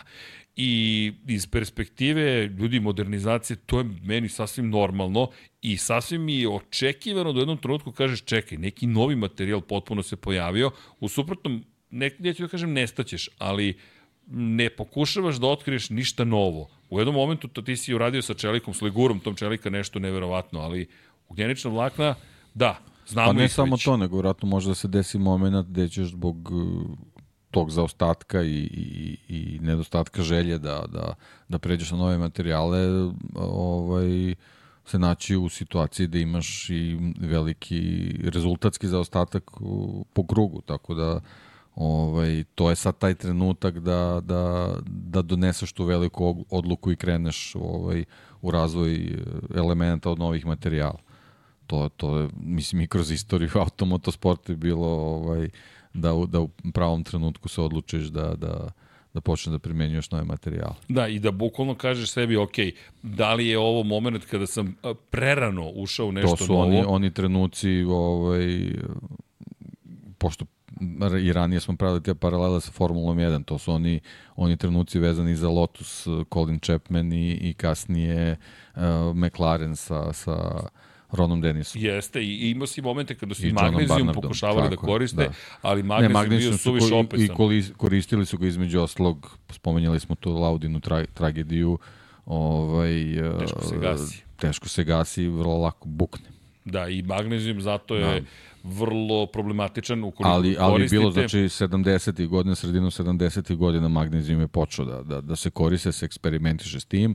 U, čak i u, u svetskom šampionatu u reliju je korišćen između ostalog u, u automobilima one famozne grupe B, pa je posle posle ovaj niza nesreća i, i ovaj požara koji su se dešavali praktično ukinut zajedno zajedno sa sa klasom, ali već u tim trenucima ovaj sredinom 70 Colin Chapman je počeo da da istražuje neke neke druge materijale, a u stvari je John Barnard i, i, i u stvari dolazak Rona Denisa u McLaren i, i MP4 generalno čitava ta priča je krenula sa, sa, sa ugljeničnim vlaknima. Da, inače, kada govorimo o primjeni, možemo bacimo pogled na dve stvari. Ova poslednja fotografija, poslednja bukvalno, da vidite gde su sve ugljenične vlakne. Vratite pažnju, dakle, ovo su sada detalji. Ali pogledajte, na primjer, pre, elemente prednjeg oslanjanja. Evo nam ga i Srki. Gde si? Čekaj, Srki, nisam izvukao ključeve. Srki došao po ključeve. Hvataj. Opa! To ti je, mogu si wide receiver da budeš. Široki hvatač. Ti si široki, ti si krilni. e, tu nam je Srki. Srki, pre, sve kako to... Bacili smo mu ovde, došao nam je Srki Veliki, ekipa se naravno zabavlja, ali da se vratimo na ovu fotografiju. Brate pažnju, Srki, vidimo se sutra na ranč. Na vezi Ko smo. zna kada. Trenutno je podcast u toku, pa možemo i posle da se dogovorimo. ali, ali poenta jeste, pogledajte prednje oslanjanje, pogledajte i oplatu, deki, kako je lepo iz ove perspektive vidjeti sve od ugljeničnih vlakana. Karbon je svugde. Pogledajte odbojnike, pogledajte međutim RAM. To je ono što je ključno u celoj priči. To je ovaj deo između koji seče bika na pola. Dakle, vidjet ćete kasnije, poslaćemo i Hondu, na primjer, koja je najkonzervativnija po tim pitanjima, ali deki ugljenična vlakna su stigla, ne idu ona nigde, naprotiv, samo pitanje gde će da završe. E sad, samo da se vratimo na, na fotografiju pre nje, a to je Ducatijev izduvni sistem. Morate pažnju na Ducatijev izduvni sistem. Dakle, Ducati koji zapravo je skratio put i ima naravno jednu cev na kraju, imate, kako ide? Ide u suštini 4-2-1, praktično, to jest, če, e, ne, idu 2-2-1 zapravo. Prednji redovi cilindara imaju svoj izduv koji se pretvara u jedan izduv na, sa strane dole desno i ovde imate na zadnjem kraju 2 u 1 praktično za zadnji red cilindara gde imate izduvni sistem sličan KTM-u u kontekstu toga da je jedan, ali nije centralno pozicioniran. Ducati je ostavio prostor ispod praktično iznad točka to možete da vidite, gde vazduh može nešto da čini. E sad, Ducati nije otišao tako daleko po pitanju aerodinamike u tom kontekstu. Više se fokusirao na prednji kraj, zadnji kraj ovi zmajevi, zmajevi repovi nešto čine i ono što je sakriveno tamo iza logotipa Monstera, nešto je sakriveno unutra. Ja sam duboko uveren, deki, da je Gigi Dalinja otišao mnogo daleko po pitanju tehnički direktor, zapravo šef, veliki šef Ducatija po pitanju oslanjanja i da je on tu zapravo radio, uradio ogroman deo posla. Konačno, kako su popravili start? Nisu kroz aerodinamiku, nego kroz oslanjanje. Šta je Adrian Newey uradio prošle godine sa RB19? Oslanjanje Da, unapredio aerodinamiku, ali nije zaboravio taj anti-squat i anti-dive sistem. Dakle, sistem koji ne dozvoljava da previše potone prednji kraj ili da se previše podigne prednji kraj na dodavanju gasta. Na kočenju vode računa o tome da ne potone. I sad, kada ovo sve pogledamo, za sada Ducatija filozofija, e, moram nešto da ti kažem, deki. Inače, moramo da nam se pohvalimo, prvi put u našoj istoriji smo pribavili vozilo zvanično, jel te? Vozilo je C5 Citroen koji Aircross, Aircross Deki rekao, Srki, to je najudobnija stvar, pošto nas čeka dosta putovanja ove godine. Ja moram ti kažem, Deki, ti si jedan veliki car, ako to već nisi zma, zmajao, zmao. Dakle, e da, zmaj i majice su počele, isporuka počela, sve nas se ispomeralo, ne zamerite, šta da radite, dešava se u životu, ali počele su isporuke, stiže knjiga, stižu i ostale knjige. Dobili smo i odgovor za dinastiju, rekli su nam, ne može se zove NFL dinastija, ali ćemo vam dati lepši naslovnu stranu. E, rekao, hvala, posle dva meseca čekanja. Ali dobro, to je ta agonija koja će trajati, to je ta čuvena knjiga, deki ne može da veruje, ali okej. Okay. I tako, u svakom slučaju, uredniče, bolji smo, bolji smo, molim, molim za neku mini pohvalu. Neće dobiti, ok. u duhu old school urednika i novinara. Ali svako... Nisam loš, Nisam da, da, da, jednog dana, jednog dana, ali činjenice da se to dešava, ali da se vratimo mi fotografijama, dakle, kada pričamo o Hondi, sada hoću da dodam Honda u celu priču. Zašto? Zato što ako pogledate Honda gde je, inače Yamahu ne moram ni da vam pokazujemo. Isto izgleda kao prošle godine. Dakle, što se njih teče vreme, sta. šalim se. Yamaha je napredovna. Znate šta je ironija najveća? Deki, rekordi padaju. Oni se pomeraju. Yamaha je sada mnogo bolje nego prošle godine ali nije dovoljno napredovalo odnosno ono što su radili ostali.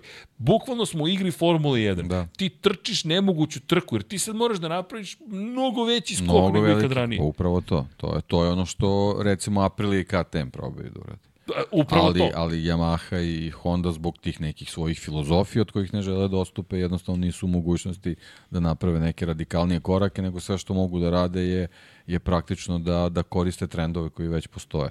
I ovaj, što se tiče Yamahe, eto, postignut je taj neki napredak što se tiče možda snage motora, vidimo da su ovaj, kad su, kad su u pitanju te maksimalne brzine tu negde ovaj, pri vrhu, ali generalno kad se sve sabere, ta, ta ukupna brzina jednostavno nije, nije ovaj, na zadovoljavajućem nivou, a pre svega je zabrinjavajući ovaj rezultat vezan za, za te neke kvalifikacione krugove koje će predstavljati u stvari najveću bolj, boljku za njih kao što, su, kao što je o, kao što su i predstavljali u prethodnim sezonama i tu je veliki problem da li će, da li će uopšte zbog toga moći da naprave bilo kakav napredak. Deki, ovo, ovo izgleda, ka, ram izgleda klasičan aluminijumski, ima tu delova ugljeničnih vlakana, sve ostalo ugljeničnih vlakana, ovo nam govori između ostalog odsustvo boja i toga da nema reklama. Oni su ljudi došli da ozbiljno testiraju. Obratite pažnju na zadnji kraj. Imamo sada zanimljivu kombinaciju. Ovo su Ovo je sada hibrid, vidjet ćete iz druge perspektive, ali obratite pažnju na ove repove, s obzirom na činjenicu Ovo su variacije da... Ducatijevog rešenja. Tako je. E sad, ako pogledate iz još jedne perspektive, gde ja malo krijem od vas, inače ako se pitate zašto su ovako prosvetljene fotografije, planski je to urađeno, kontrast povećan, e, povećana je brightness, dakle osvetljenje je povećano, kako bismo mogli što više detalja da vam prikažemo. Nije pitanje umetnosti, već toga da zavirimo iza kulisa onoga što je Honda. Elem, aluminijumski ram se vrlo jasno vidi, čak ni zadnja viljuška nije od ugljeničnih vlakana, nismo videli prošle godine te kombinacije testa, aluminijum malo, pogljenična vlakna i tako dalje, ali pogledajte ovo, sada imamo kombinaciju koja je između Ducatija i KTM-a, ja bih rekao najviše, ali potpuno drugačiji oblik zapravo na bokovima, neke vrste dvost, nekog, nekog difuzora, ne znam ja kako da ga nazovem. Opet, ovo mi djeluje kao da kalemimo nešto, kao da istražujemo kud, kud da krenemo u celoj ovoj priči, jer ako pogledaš sistem malo podsjeća na Ducati, izduvni sistem sa desne strane, dole jeste napravljeno i za točak i generalno oblik koji je pozitivan, ali pogledajte detalje, gde stoje svetla, gde stoje elementi, to sve utiče negativno na obstrojavanje vazduha. Nije čist motocikl, nije nekako aljkavo su neke stvari urađene. Nemojte pogrešno shvatite, ovo je dalje vrhunski motocikl, nego samo neki detalji na koje još uvijek se ne obraća dovoljno pažnje. Pri čemu, gornji deo zaista izgleda drugačije u odnosu na sve ostalo što smo do sada videli. Šta bih pohvalio? Ej, pokušavaju nešto deki da stvore. Ne, to smo rekli na, na, na početku testiranja. Ovaj, vidi se da, da se stvarno trude sad da li, da li idu u dobrom smeru, to sad ovaj, nije, nije na nama da, da, da ovaj odlučimo, generalno će rezultati to da pokazuju. Mislim, nažalost, ovaj, što se tiče ovih poslednjih testiranja, i Marini i, i, i Mir su imali zdravstvene probleme, tako da nisu ovaj, u, u, kompletno odradili te, te neke testove koje su planirali, tako da što se tiče njih imamo te neke krnje rezultate, pa nismo ni, ni najsigurniji ovaj, koliko taj motocikl može, ali generalno ova vremena što imamo vidi se da tu i dalje postoji veliki zaostatak i da tu stvarno ima, ima mnogo posla. Da, evo iz druge perspektive jasnije se vidi zapravo zakrivljenje koje ide od ozgu na dole, i neka kombinacija između ovih zmajevih repova i difuzora. Ono što deluje da je rešenje koje može da se menja. Ovo je bukvalno zašrafljeno na gornji deo. Sad, deluje mi da je nužda naterala njih da ovo izmisle, ali ok, ako će da radi, zašto da ne? Ako do, donese stabilnost u, u krivinama, pošto moguće da to predstavlja veliki, veliki problem, onda naravno zašto da ne, ali kažem, nije, nije ovo a, nije ovo neko, neko revolucionarno rešenje, već po meni samo, samo ovaj, a, variacije na temu rešenja koje su doneli Ducati, Aprilia i KTM, tako da to je u stvari ta najveći problem gde ukoliko želiš da kreneš nekim, nekim novim putem pa da preskočiš i smanjiš taj ovaj, zaostatak koji imaš za, za jako kratko vreme, moraš da probaš da pronađeš neko uh, apsolutno novo i, i, i revolucionarno rešenje ili da se ovaj prikloniš nekom od, od, od rešenja koji su ovaj primenili timovi koji su u ovom trenutku bolji od tebe i da, i da praktično iskopiraš neku priču, da, da, da ne kreneš sa suviše ovaj, variacije, ali opet može se desiti da se izgubiš u šumi tih rešenja i da, i da sezona krene, da ti nemaš u stvari jasan put gde, na polu, gde, e, gde možeš da budeš na polovini sezone i da probaš da tu napraviš tu, tu neku konačnu verziju za, za aktualnu sezonu. Da, inače da napomenemo, ajde da ubacim još jednu kompleksnu stvar. Michelin, Michelin zapravo je izbacio informaciju da zapravo ćemo imati nove, da, inače nisu 22 trke, da ne zaboravim, velika nagrada Argentine, to smo spominjali, je otkazana. Nažalost nije stigla podrška, žao mi je, ta staza je meni fenomenalna, možda je udarac za Aleša Espargara i Apriliju, tamo su bili zaista veoma dobri, ali ok, inače 21 trka, 4 kontinenta i ono što će biti zanimljivo, imamo dve potpuno nove, jednu potpuno novu stazu, jednu koja se vraća, Sokol staza u Kazahstanu i Aragon nam se vraća u kalendar. Međutim, ono što je rekao bih takođe važno imamo nova jedinjenja koje je pripremio francuski proizvođač. Dakle, imali su priliku da ih testiraju. Ono što će biti zanimljivo u celoj priči jeste zapravo videti šta će preživeti do po samog početka sezone i kako će biti situacija sa pritiscima, ali samo da napomenem da se tu takođe dešavaju promene i ono što je generalno neki ne, informacija za prednju gumu iz, iz Mišlena jeste da će biti značajno tvrđa, to je čvršća konstrukcija samog prednjeg pneumatika. I ono što se dešava trenutno je povećanje, što nas opet meni makar deluje vraća na dve stvari. Aerodinamika prednjeg kraja i oslanjanje.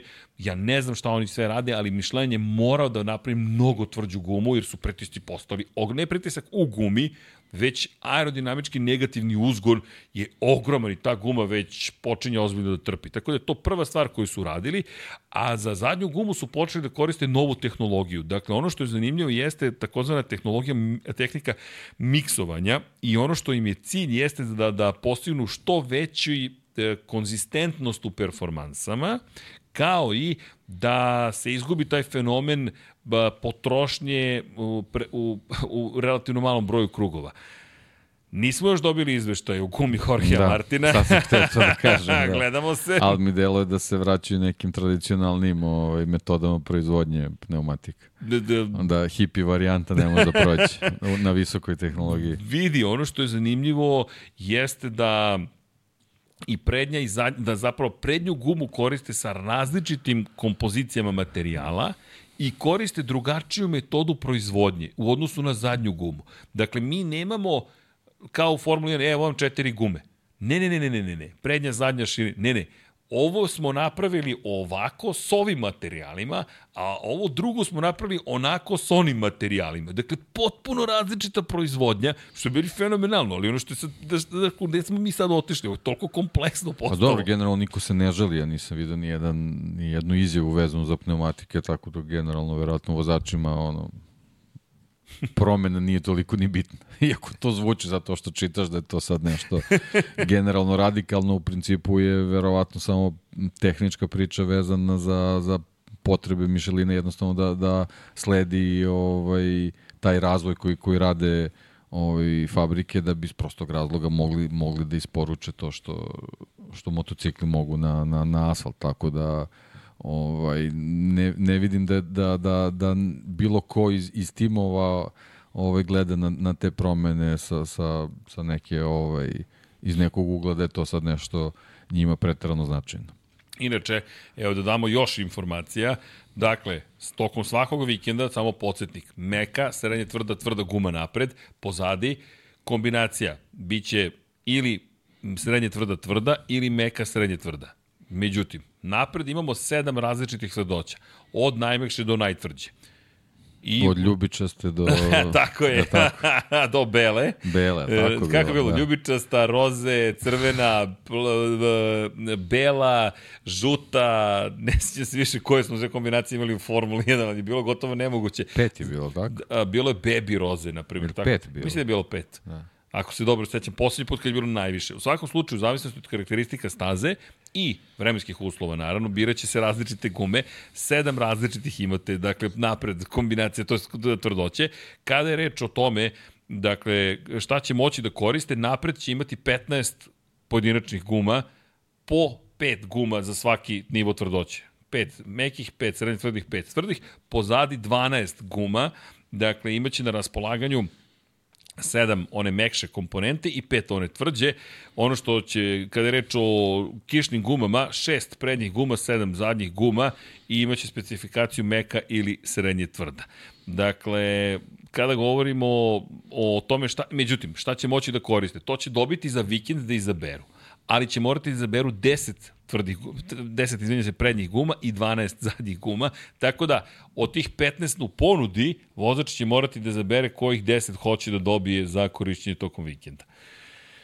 Ok, nadam se da sam sve pokrio, nemam pojma, ali, ali se trudimo. Inače, uglavnom će biti asimetrične gume kao i prethodnih godina pozadi, s obzirom na činjenicu da su uglavnom, gume, uglavnom staze takve da je potrebna da jedna strana gume bude tvrđa, to da jedna strana bude mekša i ono što će biti izuzeci ove sezone biće Saxonring, dakle Nemačka, Ostrovo Filipa Australija i Valencija Španija, s obzirom na činjenicu da će imati vrlo, da će drugačiju zapravo gumu imati, asimetrija neće biti po sredini, to ćete moći da fizički vidite na gumi. Jedna trećina gume će biti u jednoj tvrdoći, dve trećine gume će biti u drugoj tvrdoći. Mislim da imamo svega I ono što će biti takođe važno jeste da će dodatne gume biti spremne za Kazahstan i Aragon, s obzirom na činjenicu da tamo nismo ili nikada bili u slučaju Kazahstana ili dugo nismo bili u Aragonu. Tako da se i oni spremaju prilično ozbiljno.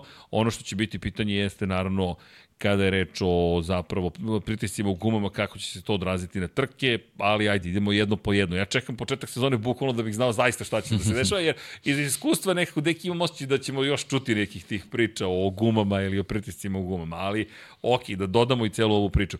Elem, da se vratimo na, na, na, na Hondu zapravo, to jest na tradicionalnije proizvođače motocikala, e, a to je zapravo da kada govorimo o Yamahi, tu nismo baš, mada, da dodam jednu, jedan element. Ajmo rezultati.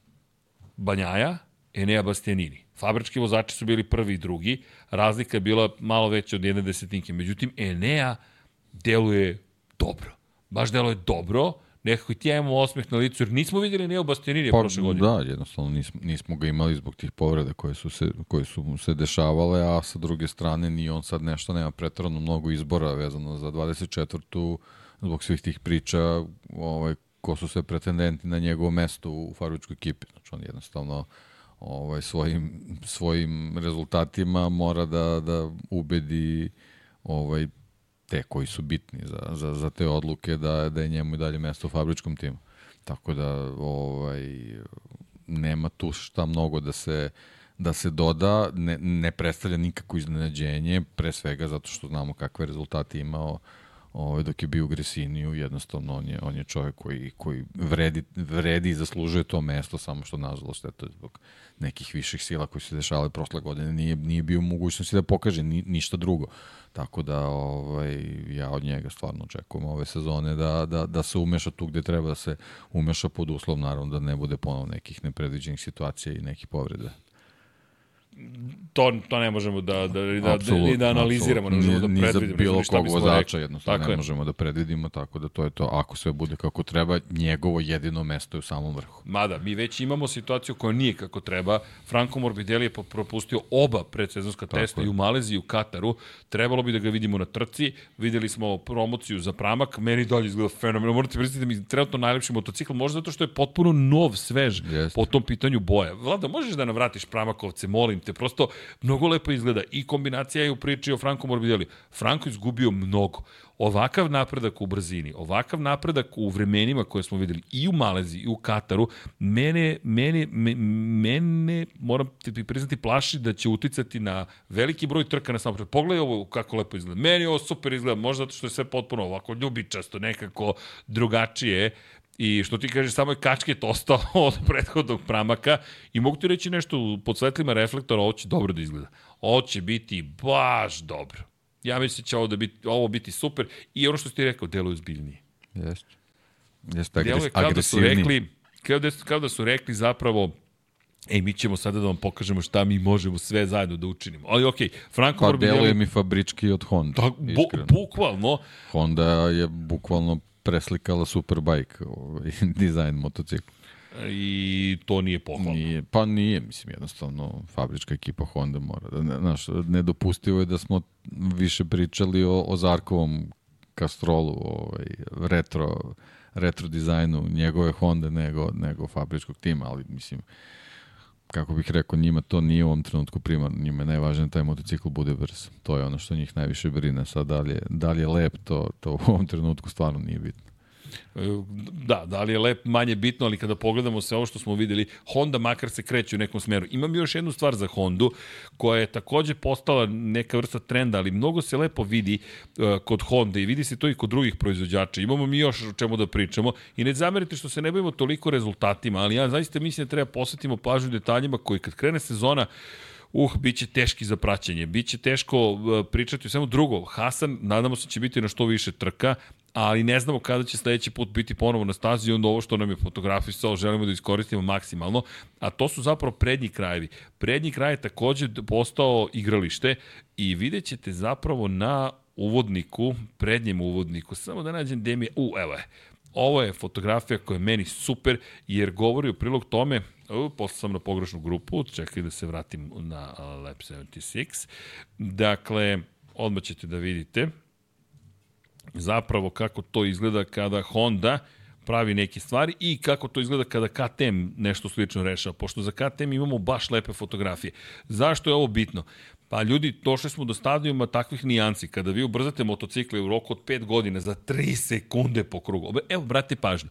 Aerodinamičan je zapravo i oblik usisnika prednjeg. Dakle, nije to više samo rupa. Otvor, pa sad mi to isečemo i tu ulazi vazduh. Ne, ne, ne. Način na koji ćete vi da zapravo naterate vazduh da se kreće kroz uvodnike, postoje podjednako kritičan, jer ne želite vrtloge tamo gde, ih, gde, gde, gde će suboptimalno da utiču na snagu motora, vi želite da sve unutra funkcioniše besprekorno i između ostalo, kao što možete vidjeti, neka mini usnica je u pitanju, nije baš kao na Red Bull Racingu, inače možete vidjeti prednja krela, ali prednja krela su već postala deo standarda. Međutim, mi sada ulazimo u male detalje, I između ostalog, ovaj uvodnik je jedan od tih detalja. Vidjet ćete kasnije i kako izgleda to kod KTM-a, sa frontalno je Hasan uspeo da fotografiše KTM, jer tu takođe možemo da vidimo zapravo polja kojima se bave. E sad, ponekada lutate, jer prosto toliko, pogotovo kod Honda, kasnite za nekim stvarima, da vi ste primorani da kažete sebi, ok, ajmo sada da tražimo svako moguće rešenje, koje god ono bilo. Inače, imat ćemo mi detalje za prednje krila, nemojte ništa da brinete, samo što hoćemo eto, da prikažemo i eto, nešto što je Honda učinila. Evo ga jedan lep moment za KTM, deki, ja moram priznati, nemamo taj kadar spreda, ali KTM deluje pomalo tradicionalnije. Vratit ćemo se da vidite zašto je ova oplata Honda toliko zanimljiva. E, e, konkretno, kada uporedimo sa KTM-om. KTM, moram ti priznati, de, meni deluje da je pristupio razvoju na modularan način. Šta to znači? kao da može da kombinuje veći broj različitih elemenata jednostavnije. Sad, da li taj to odsustvo kompaktnosti delova govori o nečem pozitivnom ili negativnom, ne znam, ali vratite pažnju. Dakle, kod KTM-a, vratit ćemo se na prethodnu fotografiju, vi imate uvodnik koji je okružen oplatom i na njega i na tu oplatu se kače krila. Ako vratimo pogled na Hondu, vidite da je ovo jedan deo. Dakle, uvodnik je sastavni deo glavnog dela oplate.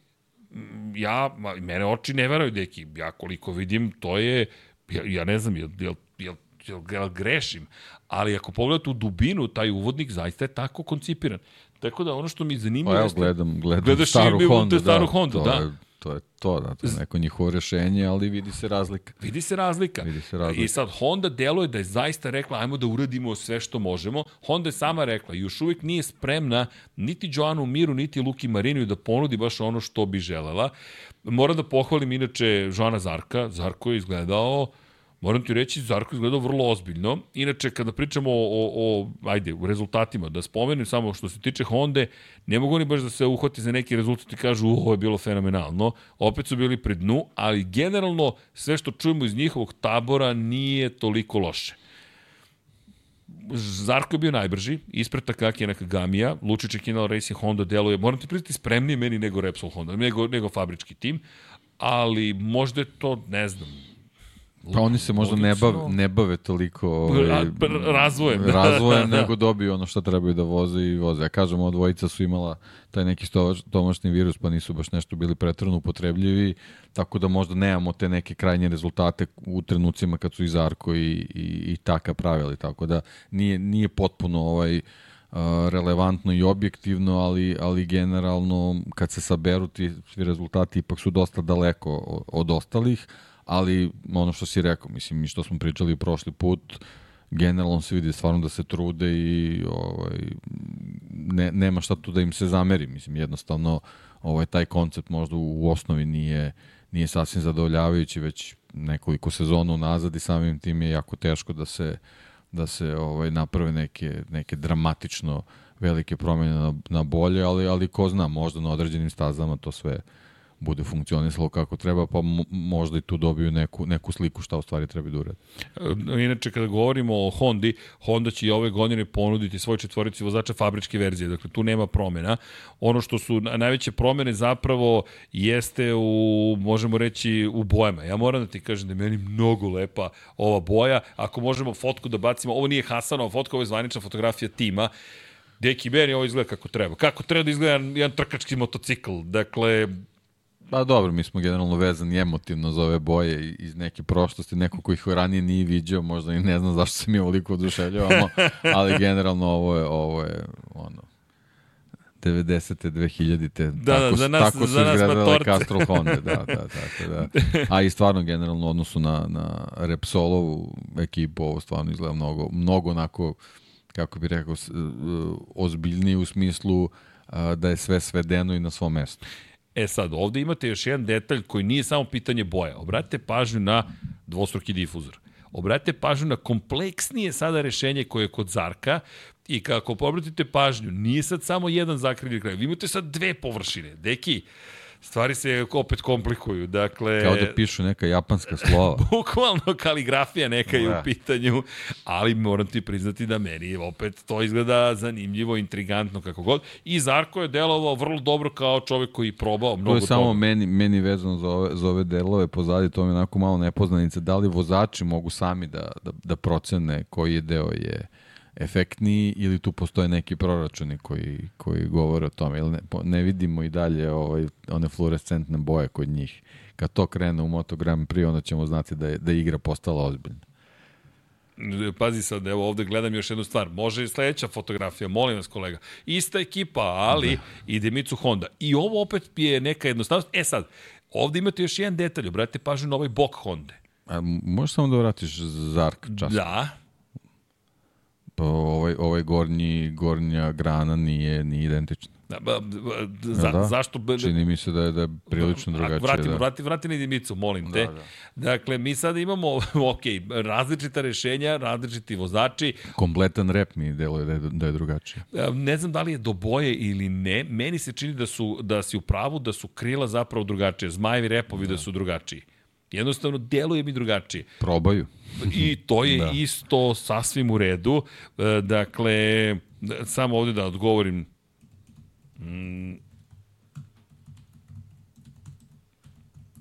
Da, i, de, i delo je da, da je ovaj donji deo prilično jednostavniji u odnosu na ostale na ostale ovaj, ekipe.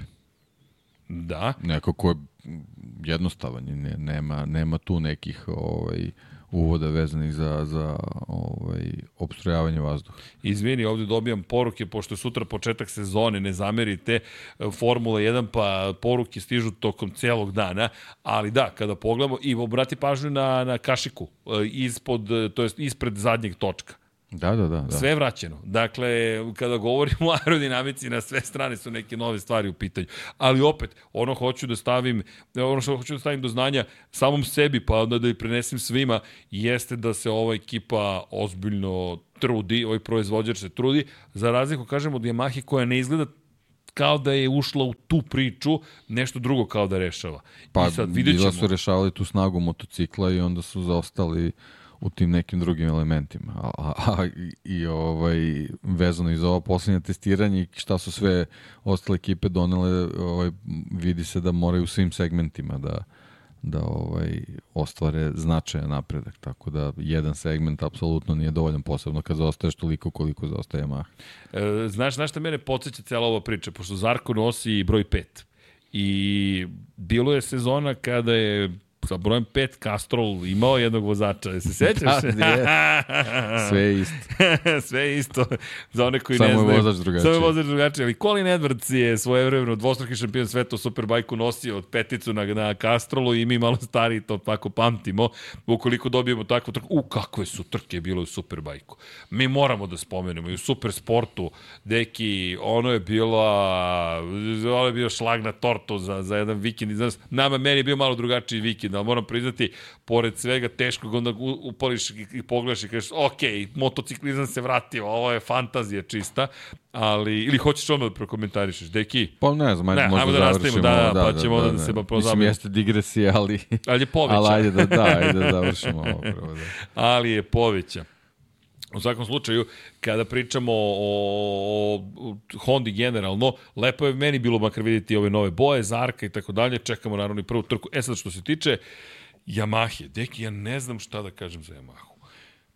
Ništa novo nismo u suštini videli, oni su ljudi, opet kao što si rekao, radili na, na pojačanju motora, međutim Quartararo je vrlo jasan. Mi nismo se pomerili. Suštinski nema, nema napretka. Jer ako pričamo o apsolutnom napretku, postoji. Ali mi se stalno bavimo relativnim napretkom Tako u odnosu na konkurenciju gde su u ovoj priči i deluje da je opet isti problem kao prošle godine. Brzi kvalifikacijni krug ne postoji, tempo u trci još će se i naći, Biće dobro. Pa da, ali tempa nema bez, bez dobar startne pozicije. To je taj, taj začarni krug iz koga oni nikako da izađu ponekad se desi zbog nekog spleta okolnosti, ali generalno oni, oni moraju da budu ti koji će da, da ostvaraju svoju sudbinu za svaki trkački vikend. A sa tim nekim potencijalom koji, koji nemaš vezano za taj kvalifikacioni krug, jednostavno sve ostalo pada u vodu. Moraju jednostavno, moraju da pronađu tu, tu brzinu negde. Ja ne znam ne, ne znam gde, ne znam kako, ovaj, ali, ali generalno moraju da je pronađu. Pa bolje ako bi bilo... Ako imaju tu dobru maksimalnu brzinu, ako su jaki, možda Rins nešto uradi u Teksasu.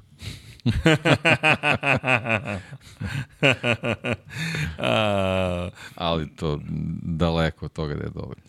Uh, vidi, ako će se svesti na imali smo dve dobre trke godišnje. Ne, ne to je mahani slučaj, ne sme da razmišlja na taj način. Mada kako Posebno što već agonija traje. Da, ovo nije početak. I drugo, da. isteče ugovor Fabio Quartararo. Inače, sezonu ćemo najavljivati sledeće nedelje, da ne, da ne zaboravimo, da, sledeće da, nedelje da. velika najava. Pričat ćemo mi o, o, iz druge perspektive o sezoni koja je pred nama. Pričat ćemo više upravo o tome, odnosi u timu, ko je stigao, ko se vratio u Moto Grand Prix, kako sve to nama deluje, ali ovo je nekako posvećeno testiranjem upravo toj priči, koga, šta smo videli, ko je šta testirao, kako stvari izgledaju, makar šta smo mogli da naslutimo. Ljudi, sve više se i krije u Moto Grand Prix. Ranije se mnogo manje krilo, nisi imao potrebe da toliko kriješ neke to stvari. To sve je bilo jednostavnije, jednostavno nije doneseš agregat i ako je brz, ti si dobar. I to je to. Sada je dosta svi ko, drugačije. Svi koče isto, svi, svi ubrzavaju manje više isto i, i to je to, tako da nije, nije tad bilo ovaj, sve je bilo mnogo, ono, imao si možda dva, tri parametra koje, koje si mogo da, da, da, da, da promeniš i da budeš nešto ovaj, da imaš neku prednost u odnosu na ostalo, ali sećaš se ti sam kakve su bile trke, mislim, dešavalo se po, po 4-5 različitih motocikla se, da se malte na svakoj trci bore za, za sam vrh. Da, razmišljam sada koliko se sve promenilo. Pazi, to je 2019. zaista. Razmišljam o vremenima tada, razmišljam sada, da, brži smo nego ikada, ali isto tako samo da, da se ne nastavi taj trend toga da je sve teže i teže preticati i pratiti i obilaziti. Iskreno, navijam da će Michelin zapravo nešto učiniti pozitivno po pitanju guma i naravno da pričamo o pritisku gumama u kontekstu toga da želimo da to bude zaista rešeno, jer ukoliko to ne rešimo, imaćemo ozbiljan, ozbiljan problem. Inače, no, ono što su informacija takođe sa testa je da zapravo Honda smatra da, to je ne Honda, nego da je Lučić Čikinjelo rekao da veruje za Hondu, na primjer, da je mnogo efikasniji način na koji testiraju ove godine i da se to odražava zapravo ono što se desilo. Ima tu još puno stvari, između ostalog, ajde da spomenem ponovo rezultate. Banjaja Bastianini, to smo pokrili. E, pokušao Maleš Espargaro, kao što si rekao, Aleš deluje ponovo brzo, deki. Baš deluje veoma, veoma brzo i to je ekstremno pozitivno. Ono što mene više zabrinjeva, moram ti priznati, jeste Maverick Vinales. Ja zaista ne vidim nikakav suštinski napredak kod Mavericka Vinalesa. To je jedno te isto iz godine u godinu. Pa ne, o, o, o poslednja situacija koja zabrinjava je to što se jednostavno nije adaptirao na, na novi Novo rešenje. Taj novi, da, novi aerodinamički oklop koji njemu ne odgovara, do duše mala ono, olakšavajuća okolnost što ne odgovara ni, ni Miguel Oliveiri, dok sa druge strane bukvalno se trenutno Aleš Espargaro privikao na, na, na, na ta nova rešenja što ovoj dvojici nikako ne, ide, ne idu priloga je sad ovaj, koliko će Aleš da, da, da bude dobar tokom čitave sezone ostaje da se vidi, ali generalno sve ove najave pokazuju da on ponovo u dobre, jako dobre formi. Tako da, ovaj, eto, opet ispada da, da vezan za Aprilicu sve oči upratu njega. I... I da vidimo Raul Fernandez, ovaj, koji još uvijek ovaj, Rović, da vidimo kako će on da, da, da se uklopi u to čitavu priču. Meni je fascinantno da čovjek koji treba, koji stalno ponavlja Aleš Espargaro iz godine u godinu, ja još jednu godinu pa ću vidjeti da li nastavim. Ja još jednu godinu pa da ću da On nosi ceo projekat. Ponovo nosi ceo projekat. Meni to govori dve stvari. Prva stvar, Maverick Vinales, nažalost, apsolutno nije rešenje ni za šta. Druga stvar, nalazite rešenje. Rešenje sedi u Yamahi i čeka poziv. To je moje mišljenje da. i navijam apsolutno za to. Kada pričamo o Yamahi, samo da ne zaboravim izjavu Fabio Quartarara, koji je rekao da je potpuno neprihvatljivo koliko nije imala prijanjanja Yamaha kao što se dešavalo i prethodnih godina. E, suštinski, preslikane su izjave iz godine u godinu. Jednostavno, nema prijanjanja koje je neophodno, taj motocikl ne funkcioniše onako kako bi trebalo i ne vidim nikakav, makar neke naznake toga da, da će pokušati nešto ozbiljnije da reši. Ti kada pogledaš Hondu, zašto spominjem Hondu? Spominjem zato što se mnogo toga dešava. Dakle, mi kada pričamo o promenama, Honda je baš postala agresivna. Tetsuhiro Kawata, ćao, nije više deo projekta. Dakle, pre, premestili su ga zapravo automobilsko odeljenje, nije otpušteno, ali to je na nivou Honda vas neće otpustiti, to je kod državna firma. Ali, ej vidi, ne radiš više ništa s On je poznat u četvorotočkaše. To je, dakle, potpuno, jasna ti je poruka. Ti se ovim više nećeš baviti. I inače, bit će tu do 1. marta, 1. aprila, izvinjam se, međutim, Taichi Honda će ga zameniti. Inače, to je čovek koji je bio zadužen za Dakar. To je čovjek koji je bio zadužen za neke potpuno druge projekte, međutim, hajde da vidimo, oni su imali više uspeha u Dakaru nego što su imali uspeha u Moto Grand Prix u poslednje vreme. I iz te perspektive, s obzirom na činjenicu da otišao Marquez, da odlazi sve više ljudi, meni je ovo poruka da Honda i dalje i tekako želi da bude na visokom nivou. Kovata inače bio povezan sa Moto Grand Prix projektom još od 2010. Tako da je to promjena posle 15 godina.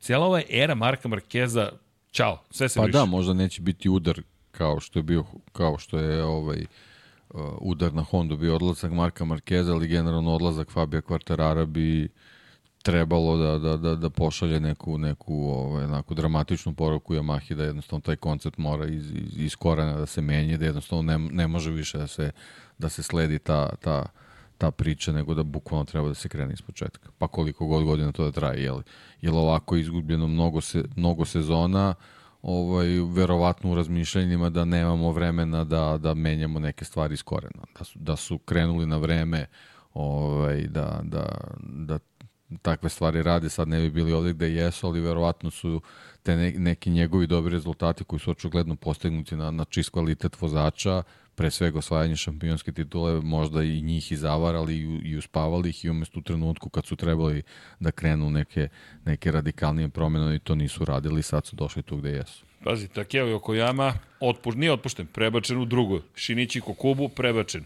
Sad je otišao još jedan čovjek, dakle Kovata je završio svoju karijeru u Hondi, kod Yamahe baš je drugačija situacija i zato stalno se osvrćem ka, ka tom poređenju gde su Honda i Yamaha. Ljudi, Honda i Yamaha su na isto mesto na kojem su bile, ali Honda deluje da ima da. neki plan. Ima plan, sa druge strane Yamaha, ovaj, dobro, Lin Jarvis je tu, pa je tu, propustili su priliku eto, da vrate Davida Brivija koji je bio sa Rosijem u toj čitovi priči. Uh, čovjek je otišao u track house, da, da onako lagano privodi svoju karijeru kraju i da, da onako praktično posredno pomaže Aprili u, u, u nekim elementima, pre svega ovaj, svi pričaju o tome da je fenomenalan vezan za, za, za te te ovaj, ljudske odnose, ovaj, tako da verovatno ono što bude primjenjivao u, u track house-u će možda moći dodatno da, da primjeni u, u ovaj, i u aprili da, da jednostavno ima tu neku možda savjetodavnu ulogu onako i senke koje možda nije, nije ni, ni ovaj, obelodanjena, ali generalno ovaj, uh, Aprilije sa Rivolom i sa, sa Brivijom ima neverovatan tandem ljudi na, na, na čelu dve ekipe, tako da to je sa Brivijom koji, e, sa, sa ovaj, Rivolom koji je tu ovaj, generalno in charge što se tiče svega, ovaj, tako da su generalno u, u, u jako dobroj startnoj poziciji za neku budućnost u Moto Grand Prix. Da, dve, par stvari još bih dodao. Alberto Puđ, menadžer ekipe fabričke Honda, je pohvalio rad Luke Marinija. Rekao je da njegova metodologija i način na koji analizira stvari je nešto što ga čini posebnim. To nije baš nešto što čujemo često i to nam je možda neki odgovor zašto su želeli Luku Marinija. S druge strane, rekao je da je poput Nemca, dakle da je način na koji daje povratne informacije i notira sve što treba učiniti je nešto što nije očekivao od Luke Marinija. Dakle, ne ulazim, da me ne svetite pogrešno, dakle, na, na nivou nekom, nekih predrasuda eh, po pitanju nacija, ali postoje određene kulturološke razlike i Puć, koji je španac inače, je rekao kao da je nemački vozač u pitanju, dakle, dobijamo informacije kako je nismo očekivali baš na taj način. I rekao dolazi sa potpuno drugačijeg motocikla, Pričali smo prošli put o tome da je i Marquez potvrdio ono što je Marini potvrdio, pošto su praktično zamenili uloge, jedan sa Honda na Ducati, jedan sa Ducati na Hondu, da je potpuno drugačiji stil vožnje neophodan za uspeh. I rekao je da ima vrlo jasnu schemu zapravo prioriteta po kojima treba raditi, inform, raditi stvari i ono što je posebno pohvalio kod Marinija, nije čovek koji samo istakne problem, već je čovek koji ponudi i rešenje za dati problem, što je nešto što se sve ređe viđa prosto kod vozača, sve više samo feedback u jednom smeru, to jest ja ti kažem šta mi ne odgovara i to je to. Luka kaže ovo ne nije odgovarajuće, a ja ovo je moj predlog rešenja. Pa to je, to je u toj fazi razvoja i jako bitno. Ovo prvo što si rekao, taj feedback koji vozači daju, to možda može u nekom finom podešavanju, ali generalno kad, ti, kad si ti još na, na, na, na nekom nivou gde moraš neke ključne elemente da dovedeš na, na, na neki funkcionalni nivo, jako je važno da dobiješ i neki predlog kako bi nešto moglo da se reši. Ako on to ovaj, ume da uradi, onda, onda nam je apsolutno jasno zašto je on bio izbor da, da dođe u, u Honda. A što se tiče Yamahe, ironija je, ne zamerite, je navijači Fabio Quartarara, Aleksa Rinsa i Yamahe, ali više je imao intrigantnih informacija u poseti Ferrarijevoj fabrici Fabio Quartararo, to smo spominjali, koji je, ne znam gde se više spominjao, ali kome je Piero Ferrari zapravo dao tu informaciju da Hamilton Lewis pot, potencijalno dolazi u Ferrari, koju nije shvatio Fabio Quartararo. Vraćam se to na epizodu jer je potpuno bizarno. Fabio Quartararo koji je u Ferrari fabrici u muzeju i Piero Ferrari, sin čuvenog Enza Ferrari, mu govori da će dovesti Luisa Hamiltona. Kaže, nisam shvatio šta mi govori uopšte, da to postoji kao ozbiljna mogućnost, ali u Yamahi nije baš dobio neke spektakularne informacije. I ono što je meni negde poruka Fabio Quartararo. A pazi, ponavlja se istoriju. Svake godine u predsezoni... Možda mu je rekao kam tu Aprilia, bro, ovaj nije razumeo. pa pazi, ali... Znaš da je to bila priča kad je ovaj Guardiola o, ne. razgovarao bio na večeri sa, sa o, Alexom Fergusonom. Znaš, Dobro. Alex ima onaj, onaj akcenat Dobro. škotski da ga apsolutno ne razume šta priča. Onda je ovo jedan trenutku rekao, kaže, ja ne znam, možda mene i pozvao dođe u Manchester United, ali ja nemam pojma, ja njega ništa nisam razumeo to već. Tako da moguće da je to ta priča bila. možda i stvarno nego. Ali ono što je činjenica, ajde ovako, ko, gde bi ga poslao Piero Ferrari? Koja je najjača konekcija između Ferrarija i koje ekipe? Je li to Aprilia preko Rivole koji je bio deo Ferrarija? Pa Znaš, Mislim da da, jer to tako funkcioniše. Ducati, Ducati generalno zbog svojih ovaj veza sa Audi veza pa to nisu veze. Vez, oni su, su oni su Ducati, Audi je vlasnik Ducatija bukvalno. Pritom pritom na na na pramacima je Lamborghini logo stajao E, da, ali stoji još jedan logotip, to smo zaboravili da spomenu, F1. Dobro, ali, ali hoćete kažem stavio, stavio je Lamborghini logo, koji jeste, jeste, deo, deo, deo Volkswagen, Volkswagen grupe, grupe, tako jeste, da mislim da je jedina ta neka italijanska veza u ovom trenutku u Apriliji. Bez obzira što nekako ne povezujemo Ferrari i Apriliju, ali, ali generalno ovaj, Možda mu je to bila poruka. Možda je to bila poruka. Ej, znam Masima, hoćeš telefon da. prilike. Pa ne, vidi, prvih 3, 4, 5 trka, ako se ako ništa značajnije se ne desi sa Yamahom, Fabio Quartararo kao po meni najbrži vozač današnjice jednostavno mora da preseće. Suviše mnogo sezona već izgubio. Vidi, ovo postaje sada karijera koja će Peko biti... Peko Banjaja juri treću za stopnu titulu. On, a on je čovek koji je imao prednost od skoro gotovo nedostižnu prednost pre godinu i po i na putu da odbrani, odbrani ja, titulu. Ta nedostižna prednost je u stvari strašno. napravila problem Yamahi koji ih je zavarala mnogo, mnogo. I dovelo u U današnju stvari, ta situaciju. nedostižna prednost je pre svega stečena verovatno zahvaljujući Fabio Quartararo. I greškama Ducatija, Da. Koji su davali autogolove u tom Pa i to još I nije Fabio, bio razvijen na tom nivou. Tako Inače, da. Max Bartolini, novi tehnički direktor Yamahe, to je čovjek koji je doveden iz Ducatija i ono što je rekao Fabio Quartararo je da već ima dobar odnos sa Bartolinijem, to što je pozitivno, međutim, deki, Bartolini ne može čudo da napravi za jednu sezonu. Apsolutno ne, Ako a Fabio Quartararo nema vremena. Nema kao, više kao što ni, ni Mark Marquez nije imao više vremena. E da, Mark Marquez koji je rekao da on sad juri poslednje tri desetinke na ovom motociklu. I rekao je sebi, ukoliko sad sebi napravim plan da je cilj da dođem do pobede na Ducatiju, sebe dovodim u situaciju koja je problematična blago rečeno. Jednostavno dovodim sebe u situaciju da ću biti veoma razočaran zapravo ko- ukoliko to ne postignem, jer, kaže, još uvek mi nedostaje tih konačnih 3 desetih delova sekunde. Može biti zadovoljno ono što je učinio. Kada pogledam Mark Marquez, 1.51, 3.35 je vozio, to je fenomenalan rezultat, to je inače bio najbrži vozač kada pogledamo stare motore.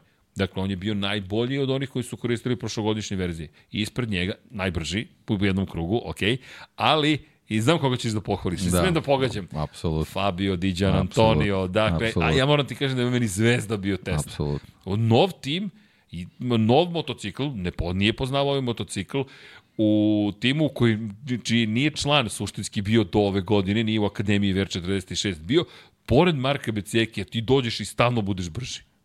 Apsolutni favorit za 24. A? Jel ti je pavo... Apsolutno, A, jel, apsolutno. misliš da može da ponovi Katar? Katar na bilo kojoj drugoj stazi. ne mora Katar kao Ok, takav okej. da bude, apsolutno da. O, shocking, Apsolutno da. dropping bombs večeras za Dejan Potkonjak. Da. ok, sviđa mi se, sviđa mi se kako, kako posmatraš stvar, Pa ali sam ja, znao. ja, eto, nadam se sledeća godina koja počinje uskoro da ćemo imati ovaj, Eneu i, i Diđan Antonija u tom nekom vrhu gde ih nismo imali. Da malo zakuvaju čitaju priču. Pa vidi, okoliko ovako bude, e, mislim da ćemo imati, o, ostavimo to za sledeću nedelju, ali ja, ja sla, pazi, znao sam da ćemo do DJ doći, jer DJ Ne, ne, baš fenomenalno. odradio posao. Mene, morate priznati, sada već iznenađuje. Jedna trka, dve, ok, tri, sada već pričamo potpuno drugom Fabio Diđan Antonio. Nov šef ekipe, potpuno drugo okruženje, isti rezultati. Kao na kraju prethodne sezone skidam kapu.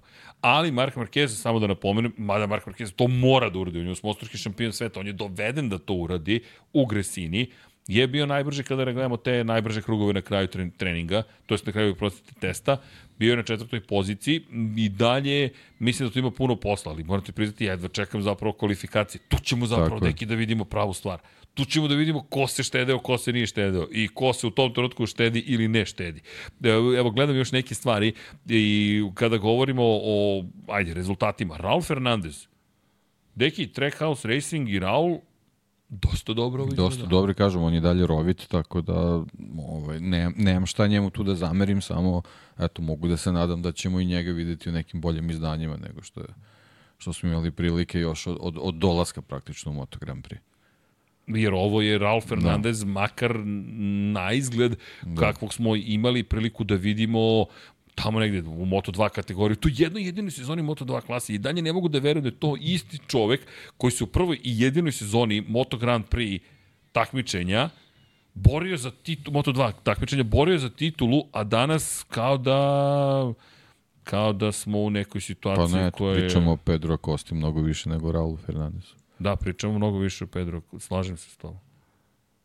Mi pričamo, da, Pedro Costa zaboravljen. Raul Fernandez je trebalo da bude ono što je Pedro Costa danas, zapravo. A nekako se nije desilo. Dobro, ali tu je peti je bio u testiranju za Trackhouse Racing. Inače, inače moram da vam kažem da je Matt Oaksley rekao, to je samo ovako šala, kaže vaš dizajn je bolji od Trackhouse-ovog, predložit ću ga za, za, za, da promene oplatu, tako da Matt, go for it, baby. Nadamo se da će se to zaista desiti. Je li on vidio Twinga? Nije. E, e nije. Pokažemo Au, ti Twinga. Poslaćemo mu Twinga. Da, Matt Oxley, inače, ja moram da, čekaj, poslaću ti, Vlado, moram da ti pošaljem Matt Oxley, koji je bio ovde, koji je inače napisao knjigu Rosiju, možete kupiti u prodavnici shop.infinity.com ili svratite do nas u Svetogorsku 46 ili u skoro i u Svemirski ranč. Tako da znate, imate knjigu i Marko Markezu, stiže, stiže još neke knjigi polako, Lauda je stigao, to je virtualno je stigao. Stigao je, Gospodin ga je završio. štampariji. Štamparije, bukvalno je predat štampariji, a najbolje kad su mi rekli, "E, snaći ćemo se, gužva je. Ali smo mi Snaći će se. Ne, nema, super su i super ekipa, nego iz nekog razloga moj internet je počeo sada da jenjava, moram vam reći. Nešto se tu zbiva. A, znam šta se zbiva. Stiže Vlado bez brige sa Twittera. Matt Oaksley koji nosi naše majice na, na, na testiranjem u Maleziji radi intervju naša majica. Slika se ispred, ispred motocikla Augusta Fernandeza naša majica. Dakle videli smo ga i u kombinaciji sa Kimira i Conan specijal majicom. Bilo je lepo i Matt Oaksley koga smo, smo običali novu majicu Zmaj, Zmajcu da ćemo mu, e da ne znam da li smo to Čekaj, Vlado, sad ću ti flagrantno poslati reklamu, ako budem uspeo, naravno, pošto internet uh, posustao. A, vidiš, nije internet posustao, ovde neki problem postoji, dobro. Um, rešit ćemo ga. Vlado, stiže ti jedna reklama. A Google, a zato što još uvijek, ne znam, još uvijek uče kao da sam u Čileu, I, I stalno mi traži da me pita da li sam robot ili nisam robot. Nisam robot, još. Vlado, poslao sam ti nešto, sad će da stigne, ali ko želi, može da poželi svima srećnu novu kinesku godinu zmaja i da sebe obraduje jednom lepom majicom, majicom koju smo nosili i kod Ivana Ivanovića, to je bilo dobro. Stigla bila majica na vreme. Ali dobro. Elem, čekaj, šaljem ti informacije, ali ćemo takođe i da obradujemo i da malo promovišemo uh, celu priču oko podcasta, pošto Bom Oaksley podcast je zaista nešto posebno i mislim da zaista treba to pratiti. Inače, da po... E, vrati, vrati, vrati, vrati, Vlado, pa šta ti je, pa nemoj tako kratko. Srećna kineske godine zmaja uz novu Lab 76 majicu, da ne kažemo zmaja 76. Kako ti se sviđa, deki? Na? Dobre. Dobre, dobra je. Dobro, dobro majice. Tako da ko želi shop.infinitylighthouse.com tamo možete da vidite kako će vam savršeno stajati i kako ćete izgledati poput pravoga zmaja. Elem, uh, Matt Oaksley koji eto, ide tamo i divlja po, po, po belom svetu sa našim majicama, pa eto, budite poput Matt Oaksleya. Svako, kako? Nisam ti poslao. Aha, izvini. Sad ćemo godine, moj vlado, godine, moj vlado, stigle. Evo ga, i naravno ispratite podcast ove dvojice stvarno fenomenalnih ljudi, možete puno toga da naučite. Stalno ponavljam Metu i pa i Peteru. Hvala, pa Met nismo zahvaljujući vama. I da, i oni postavljaju isto pitanje ko može da zaustavi Ducati. Inače, Francesco Banja je rekao da što se njega tiče, sve funkcioniše besprekorno. Bukvalno je čovjek rekao besprekorno. Evo ih. I oni su mlad, mlađani podcasteri. Ali pogledajmo majicu i još mu neko rekao, nisam znao da si navijač Kimira i Korena. jako, ali dobro. Tako da, sa desne strane, gospodin. Velika čast, nema šta. Jeste, kako nije. To je inače legenda, bukvalno Moto Grand Prix, scene kompletne i, i, i, i ja sam mu rekao... ima onih koji vas ne vole, znači da nešto baš dobro radite. Da, da, da, on je, on je, on se uspio da se zameri mnogima i to vrlo ozbiljno, ali na naše zadovoljstvo. Na, na, mi mu se, mada, znaš šta mi je rekao? Ma svi sa televizije su seronje. ja, ja čutim i on kaže, mislim, ovi u menadžmentu, rekao. Rekao, hvala ti, Met. Znaš ono kad ti izleti? ja kažem, ok, Met, razumili smo se. Ali dobro, to je sve za ljudi, tako da je u redu sasvim. Nego, da se mi vratimo na, na Katar, dakle, kada pričamo o O testovima ima tu i neprijatnih iznenađenja. Meni Marko Beceki zapravo neprijatno iznenađenje. Nije to ništa što uvijek dramatično, ali drugi put u tri nedelje, dve praktično, da gubi bitku protiv klubskog kolegi i da ne izgleda baš kao Marko Beceki kog smo očekivali. Pa da, deluje, deluje da, da će ovaj motocikl od njega zahtevati malo da menja stil vožnje, iako je delovalo da će DJ biti taj koji će to morati uradi, a sad eto, ispada onako malo, malo neobično da se DJ bukvalno posle pet krugova apsolutno srodio sa, sa 20 trojkom ovaj, i da će on imati mnogo manje problema ne, nego Beceki to sad, znaš, ono kao Novajli u ekipi, ovo je već dugo tu, to očigledno nema nikakve veze s tim, nego jednostavno samo je stvar u motociklu i, i, i shvatanju vozača kako treba da, da, da, da se srodi sa, sa mašinom da bi mogao ono instant da, da isporučuju te maksimalne rezultate. Sad to uopšte ne mora da znači kad krene sezona će tako da bude, ali je ovaj nekako simptomatično da, da iz, iz, ovaj, iz testiranja u testiranje ovaj, to nije bilo na, na onakvom nekom nivou gde bismo očekivali da njega vidimo. Posebno odnosu na Markeza i na Diđan Antonija. Diđa opet kao velika zvezda. Ja moram da kažem da je zaista Meni to nije dušen. ništa ne, ne očekio, meni je uh, više neočekivano bilo što u Gresiniju se u nekim trenucima zaista borio da, da napravi bilo kakav rezultat. Meni onaj muđelo od pre dve sezone i ona pol pozicije bilo nešto kao evo ga, to je, to je diđe. Ovo, I onda sve, sve ono što je bilo loše u stvari za mene bilo iznenađenje. Tako da, da ovo sad što pruža, to je što je pruža u finišu prošle, prošle sezone, to je ono što smo od njega i očekivali. Tako da samo želim da tako nastavi. A kada pričamo o, o iznenađenjima, moram priznati, Augusto Fernandez takođe je... Mm, da, s tim što je on ima dosta, dosta tehničkih problema, da, Jeste. da, on je dosta vremena gubio ovaj, zbog, zbog kvarova agregata pre svega, tako da to možda nije ni, ni najbolji ovaj, pokazatelj, ali generalno tu gde je bio na stazi ovaj, a Kosta je bio mnogo bolji, tako da ovaj, mislim da, da i što se njega tiče da, da nema mirnog spavanja. Da, i kada govorimo o mirnom spavanju, meni je ovo super iz perspektive toga da deluje mi da će naterati svakog pojedinačnog vozača da traži još više od sebe. Jednostavno mi deluje kao da dolazimo do stadijuma kada dolazak Pedra Koste, dolazak, ne znam, novog vozača u ekipu, da li je to Luka Marini, da li je to Mark Marquez, da li je neko drugi, kao da imamo i tu kombinaciju. Pa na različitim nivoima imamo nekolicinu vozača koji su ne, nezgodnim pozicijama.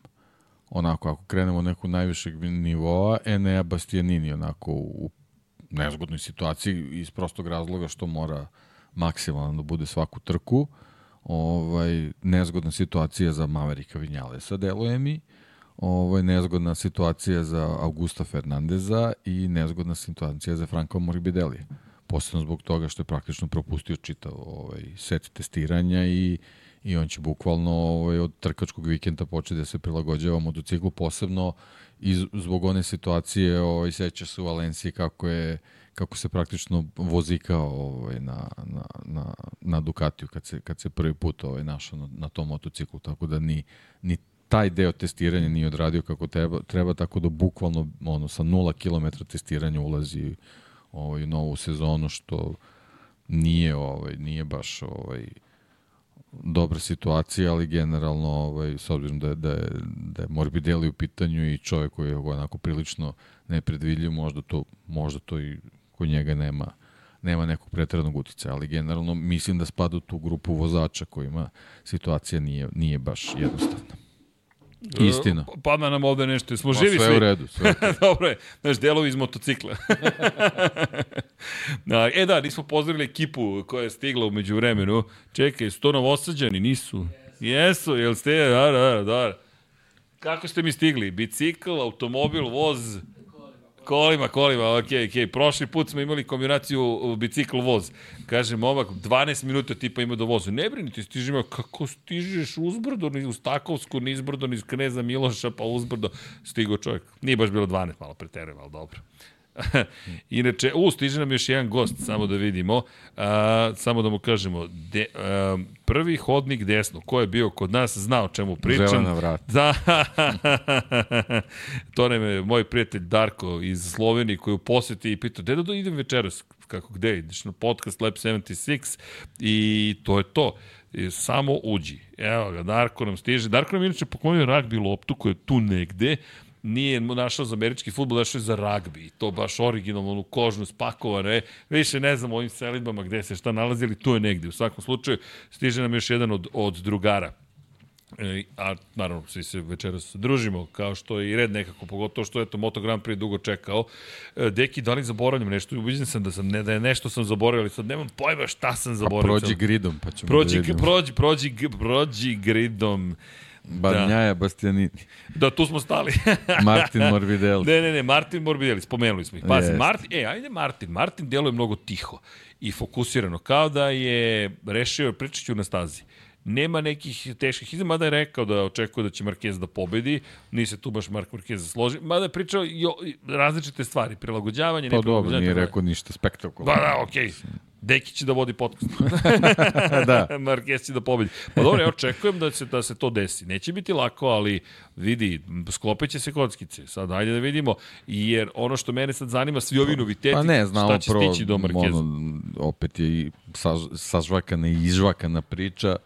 Ovaj, Marquez ima neke staze gde je stvarno dominantan, tako da sa motociklom sa kojim ovaj, dobro vlada i koji mu pruža ovaj, kvalitetnu performansu, on je apsolutni favorit. Pa da ne, da ne spomenjem ponovo i Sachsenring i, i Jasno, Texas jasno. i tako dalje. Tako da. Inače, samo ti kažem, Darko isto veliki MotoGP-evac. O, pa čekaj, Dobro pa ovo su veče. iznenađenja, pa dobro, ovo je lepo iznenađenje, bukvalno. Tako da je, cijela, ti, cijela ekipa je stigla, dobro. Za koga navijamo? Za Valeta. On se je penzionisao, samo da zna. Nije, pa, pa Nije, vozi. nije, vozi, da, da, vozi, sada je na četiri točke, da. Ima svoju ekipu, sjajno. Dakle, dobro, lepo je videti vas, ljudi. Da, inače, mi smo sad, tek, tek ulazimo u treći sat, lagani, još nismo Superbike ni dotakli. Nismo, još- još smo drugo. još, smo, no, do, još malo, da, da. Ali, kada je reč o, evo, pazi, vodećih deset, Banjaja, Bastianini, Aleš Espargaro, Mark Marquez, Raul Fernandez, držim palče da se tu nešto pozitivno dešava, Maverick Vinales. Inače, Raul Fernandez, prošlogodišnja verzija Aprilije, ovogodišnja je rezervisana za Miguel Oliviru i naravno Aleša Espargara i Maverick Vinalesa. Da, koliko sam razumeo prošlogodišnja sa tim, Sa tim aerodinamičkim jeste, jeste, unapređenjima jeste. koji i njemu odgovaraju, to nismo spomenuli. Tako je, a opet je to kombinacija koju Ducati izmislio, jer Ducati delove daje i na stare motocikle i dograđuje ih. To je zanimljivo isto, što oni zapravo imaju modularno rešenje koje je primenjivo i na prošlogodišnju i na ovogodišnju verziju Ducatija. I u ovom slučaju Aprilije. Okej, m- moguće da nije toliko kompleksno. Ili da, ok, ne morate baš da imate sve. Čekaj, deki, deki ovde mašemo, ovde fotografisanje iza kulisa, behind the scenes, BTS.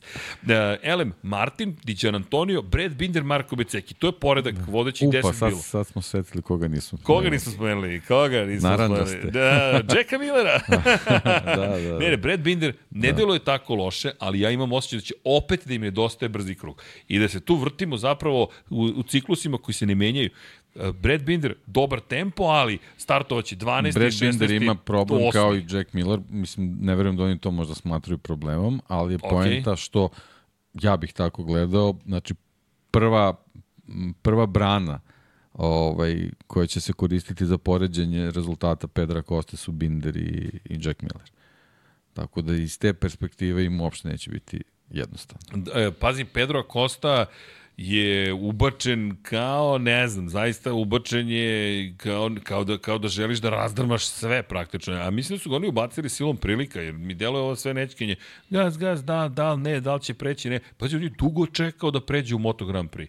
I čak je rekao, ok, spreman sam da prihvatim da ću voziti još jednu sezonu u Moto dvojkama i tek onda su povukli potez i rekli, ej, ipak mi dovodimo Pedra Kostu.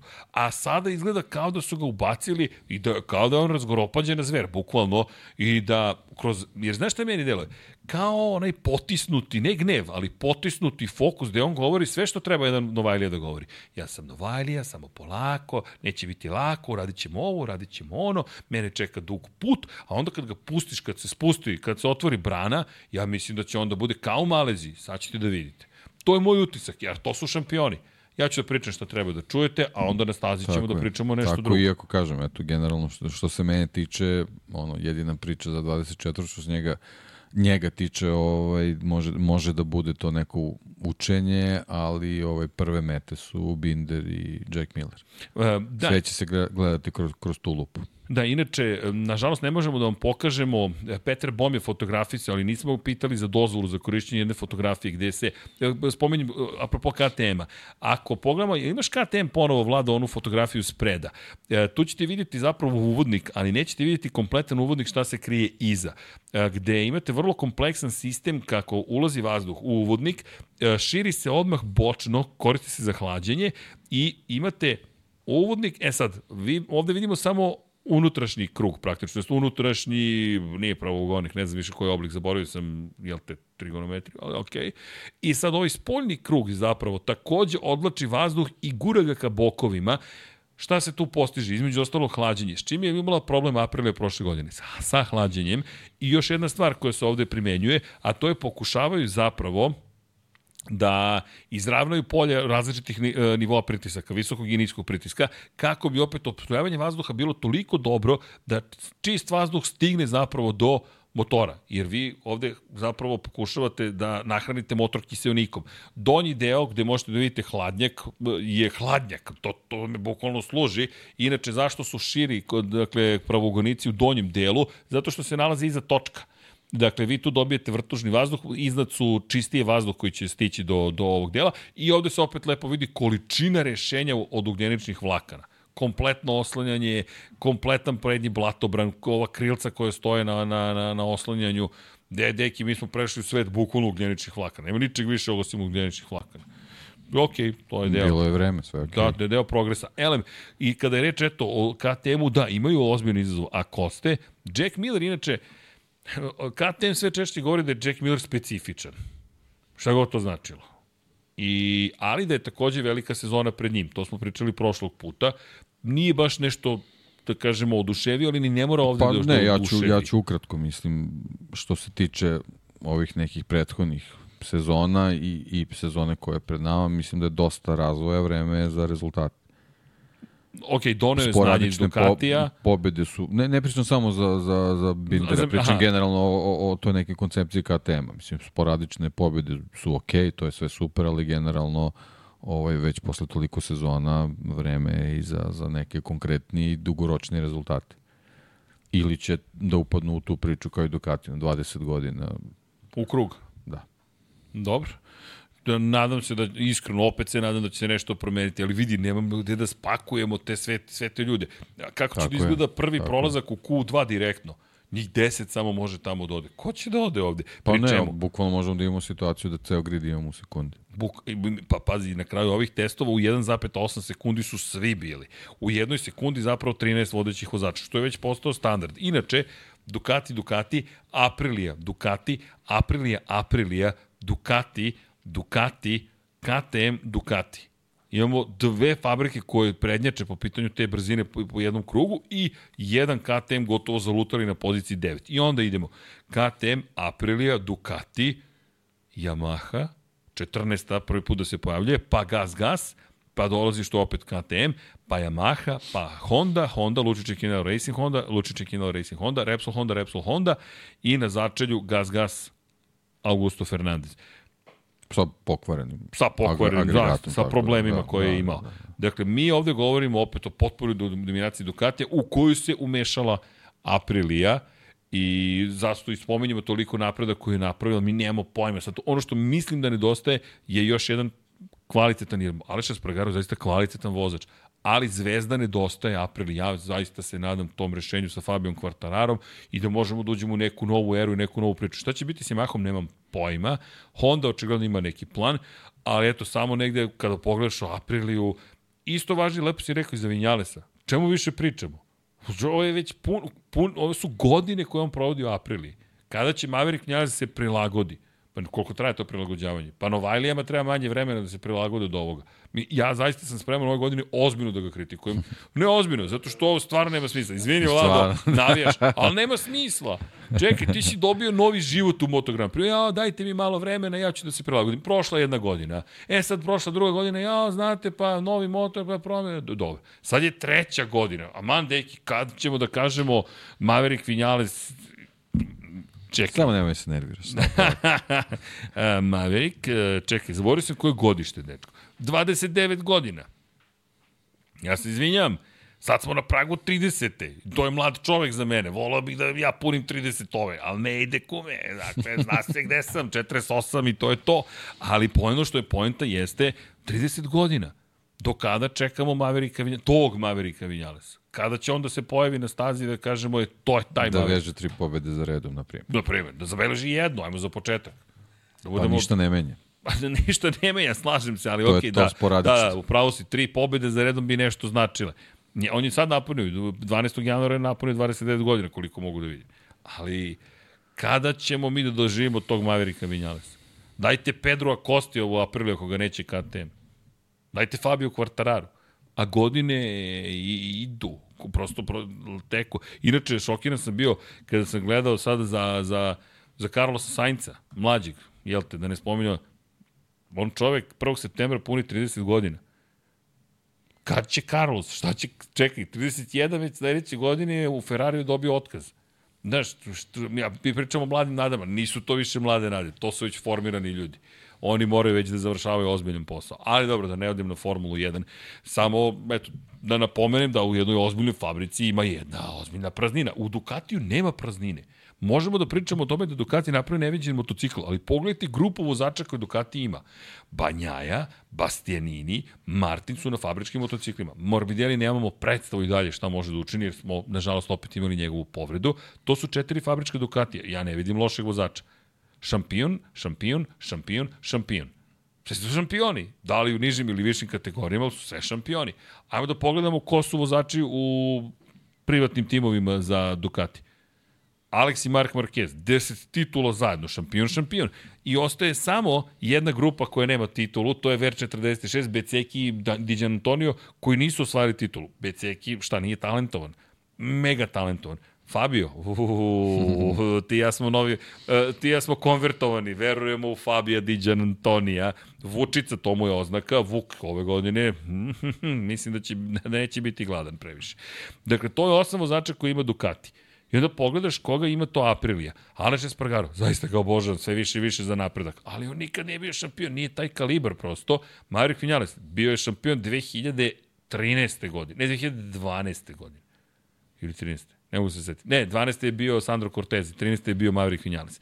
Dakle, pre 11 godina imamo Raula Fernandeza koji se izgubio u celoj priči Miguel Oliviru koji, nažalost, puno povreda problema i nikad nije bio šampion mm, fali mi jedan zvezdani moment.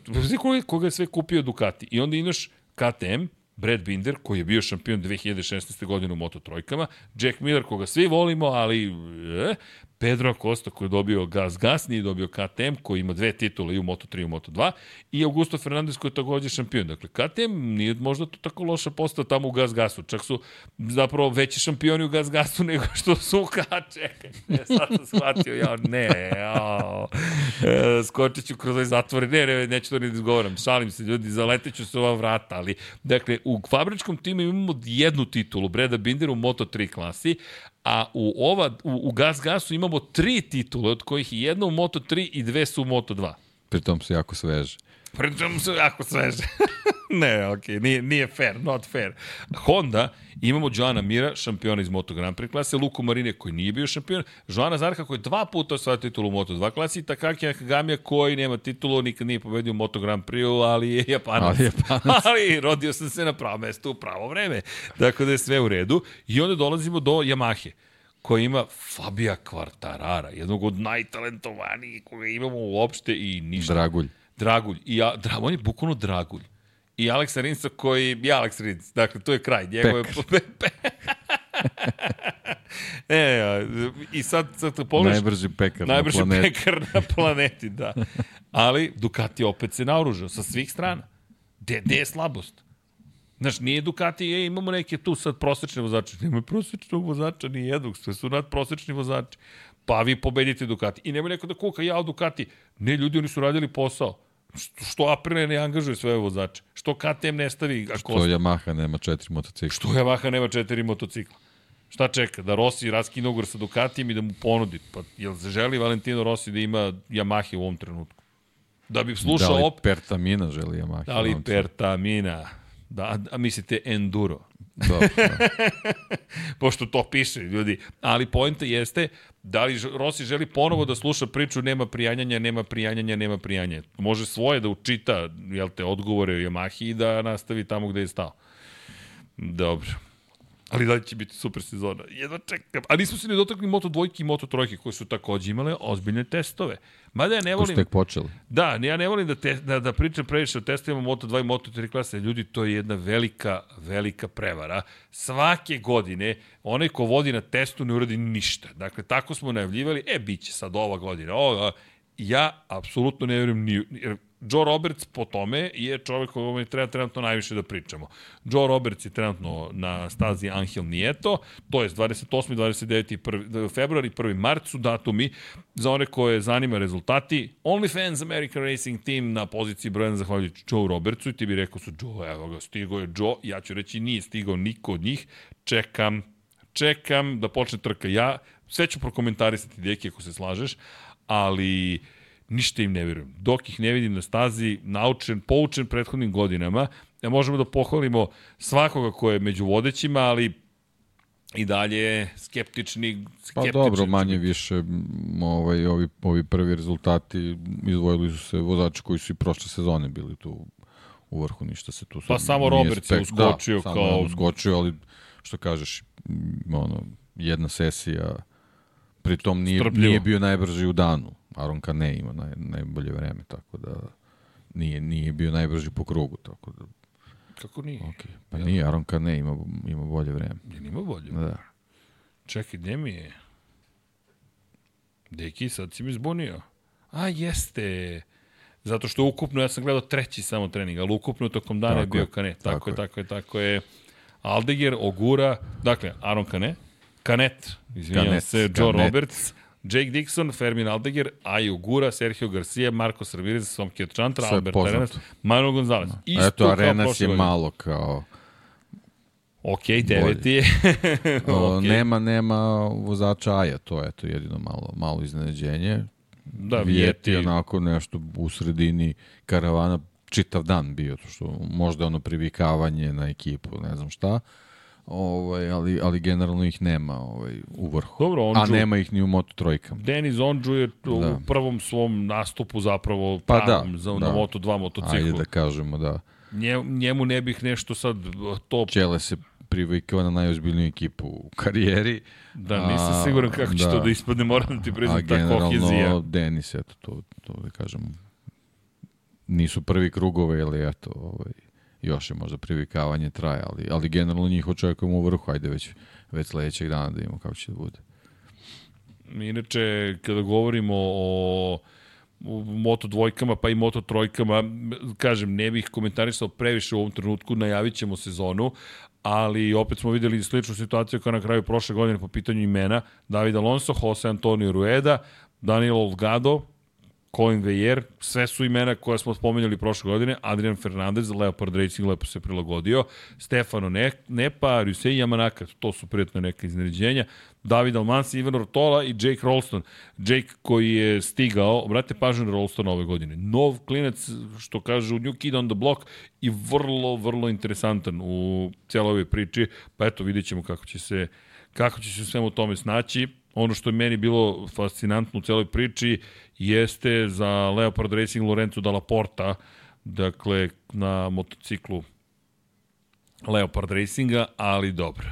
Imamo da, ali ozbilj, teži početak. Ozbilj, da, ozbiljan za ostatak u obe, u obe sesije. Jeste, s tim da. što tu imamo jel te, imamo problematično, problematično, problematično problematično početak u kontekstu toga da smo očekivali Angela Pikerasa, to jest čekamo Angela Pikerasa u celoj da. priči, ali kada govorimo o, o Pikerasu morat ćemo da čekamo. Dakle, zamenio je Angela Pikerasa Lorenzo Dalla Porta, mi se nadamo da će sve biti jel te, u redu, povređen je prosto Angel Piqueras, loš početak priprema za sezonu, Lorenzo Dalla Porta. Imamo njegov potpis, evo je Kaciga sa potpisom Lorenzo Dalla Porta, svetski šampion iz 2019. godine Moto3 klase s Leopard Racingom, potpisano specijalno za Lab 76. Hvala, hvala mi Drago Kotoru, šefu ekipe za poklon. A kada govorimo o onome što očekujemo od ekipe, počekujemo opet borbe za najviše pozicije, s tim što Angel Piqueras ovo je zaista velik problem da se propusti početak zapravo priprema, ali bi trebalo da vozi Pa i nije, generalno nije. Misliš da to za njega nije? To trojke, pa da, nije, okay. da. Dobro. Samo, eto, gubiš te neke krugove koje si mogu već da, da voziš, da, da, da, da uhvatiš tu brzinu. To je, to je generalno problem. Motocikl ko motocikl, mislim da za njega, za, za takvog talenta nije to problem. Mm, ali u svakom slučaju vol, želeo sam da ga vidimo i u predsezoni. Da. Kako god, vratit ćemo se mi na Moto Grand Prix. Možda, možda kriju nešto, znaš kao. povređen. Da, da, povređen. pa, ej, Mio je znao svašta da, da pripremi za sezonu. Ajde, vidjet ćemo kako će se ovo sve razvijeti. Prošle godine su osvojili titulu, dakle, branioci titule, to je prilično velika stvar i da vidimo kako će izgledati početak uopšte. Ali kažem, to ćemo ostati za sledeću nedelju mnogo više i, i informacije, intrigantnije prosto Moto Grand Prix. Ali, deki, moramo da se malo pozabavimo i nekim drugim događanjima. Ja moram da spomenem svetski šampionat u Superbajku, Da li se slažeš? Gorelo. Gorelo je, deki. Zaista ono što smo najavljivali da će se desiti. I prava staza i sve. I čekaj, ajmo, početak sezone i ko nam pobedi?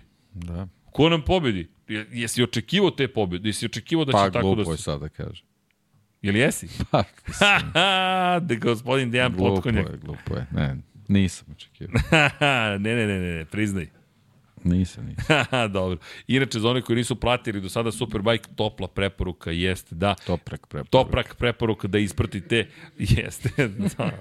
Ne vredi, deki, prozivka, prozivka, prozivku, jesi, sad možete se zvučiti kao, kao crni humor, ali moj brat koji opraštamo se, jel te, od tate i e, rekao je, ja ću sada da vam zapravo u, u govoru koji je tokom sahrane održao, pošto je naš otac voleo bukvice. Kaže, ja neću držati govor danas, ja ću mu držati bukvicu. I onda je držao bukvicu svima koji su se okupili šta te treba da rade, šta treba da rade, jer tata tako, bio svoj eglav, posljednjih 10 godina baš nije hteo da sluša, našli smo ovoliko pakovanja lekova neotvorenih za šećer, tako da molim vas pite lekove za šećer, nema potrebe, dakle ja ga i dalje obožavam, ali ko zna šta bi bilo, kad bi bilo. I jele, moj brat kad završava govor kaže, ko je tebe poznavao, nijedna bukvica mu neće teško pasti. E tako, ko Dekija poznaje, nijedna situacija ovog tipa mu neće teško pasti. Ne zamerite, ali mi porodično to nas je tata isto naučio. Kroz crni humor se nosimo sa tim stvarima, tako da je sve to okej. Okay. Ali početak sezone, bum, pobeda za Nikolu Bolegu. Deki, to kako je trci pobjeda za Nikolu Bolegu, pre čemu tri italijana na pobedničkom postolju, Andrea Locatelli i Andreja Janone. Čekaj, četiri godine. Čovjek je sebi produžio za dve i po godine kaznu za suspenzije za doping. Vrati Očekivao se... sam će bude dobar, ali stvarno nisam očekivao podijel. Čekaj, pobedničko postolje. Da. Svaka mu čast. Svaka čast. Dakle, koliko god da zaslužio kritike za neke druge stvari. Bravo. Pa da, mislim, nije čovjek kriminalac. Nije, krim, nije kriminalac. Jednostavno je ne. malo... Tako. Ovaj, Specifični. Kako bih rekao, da.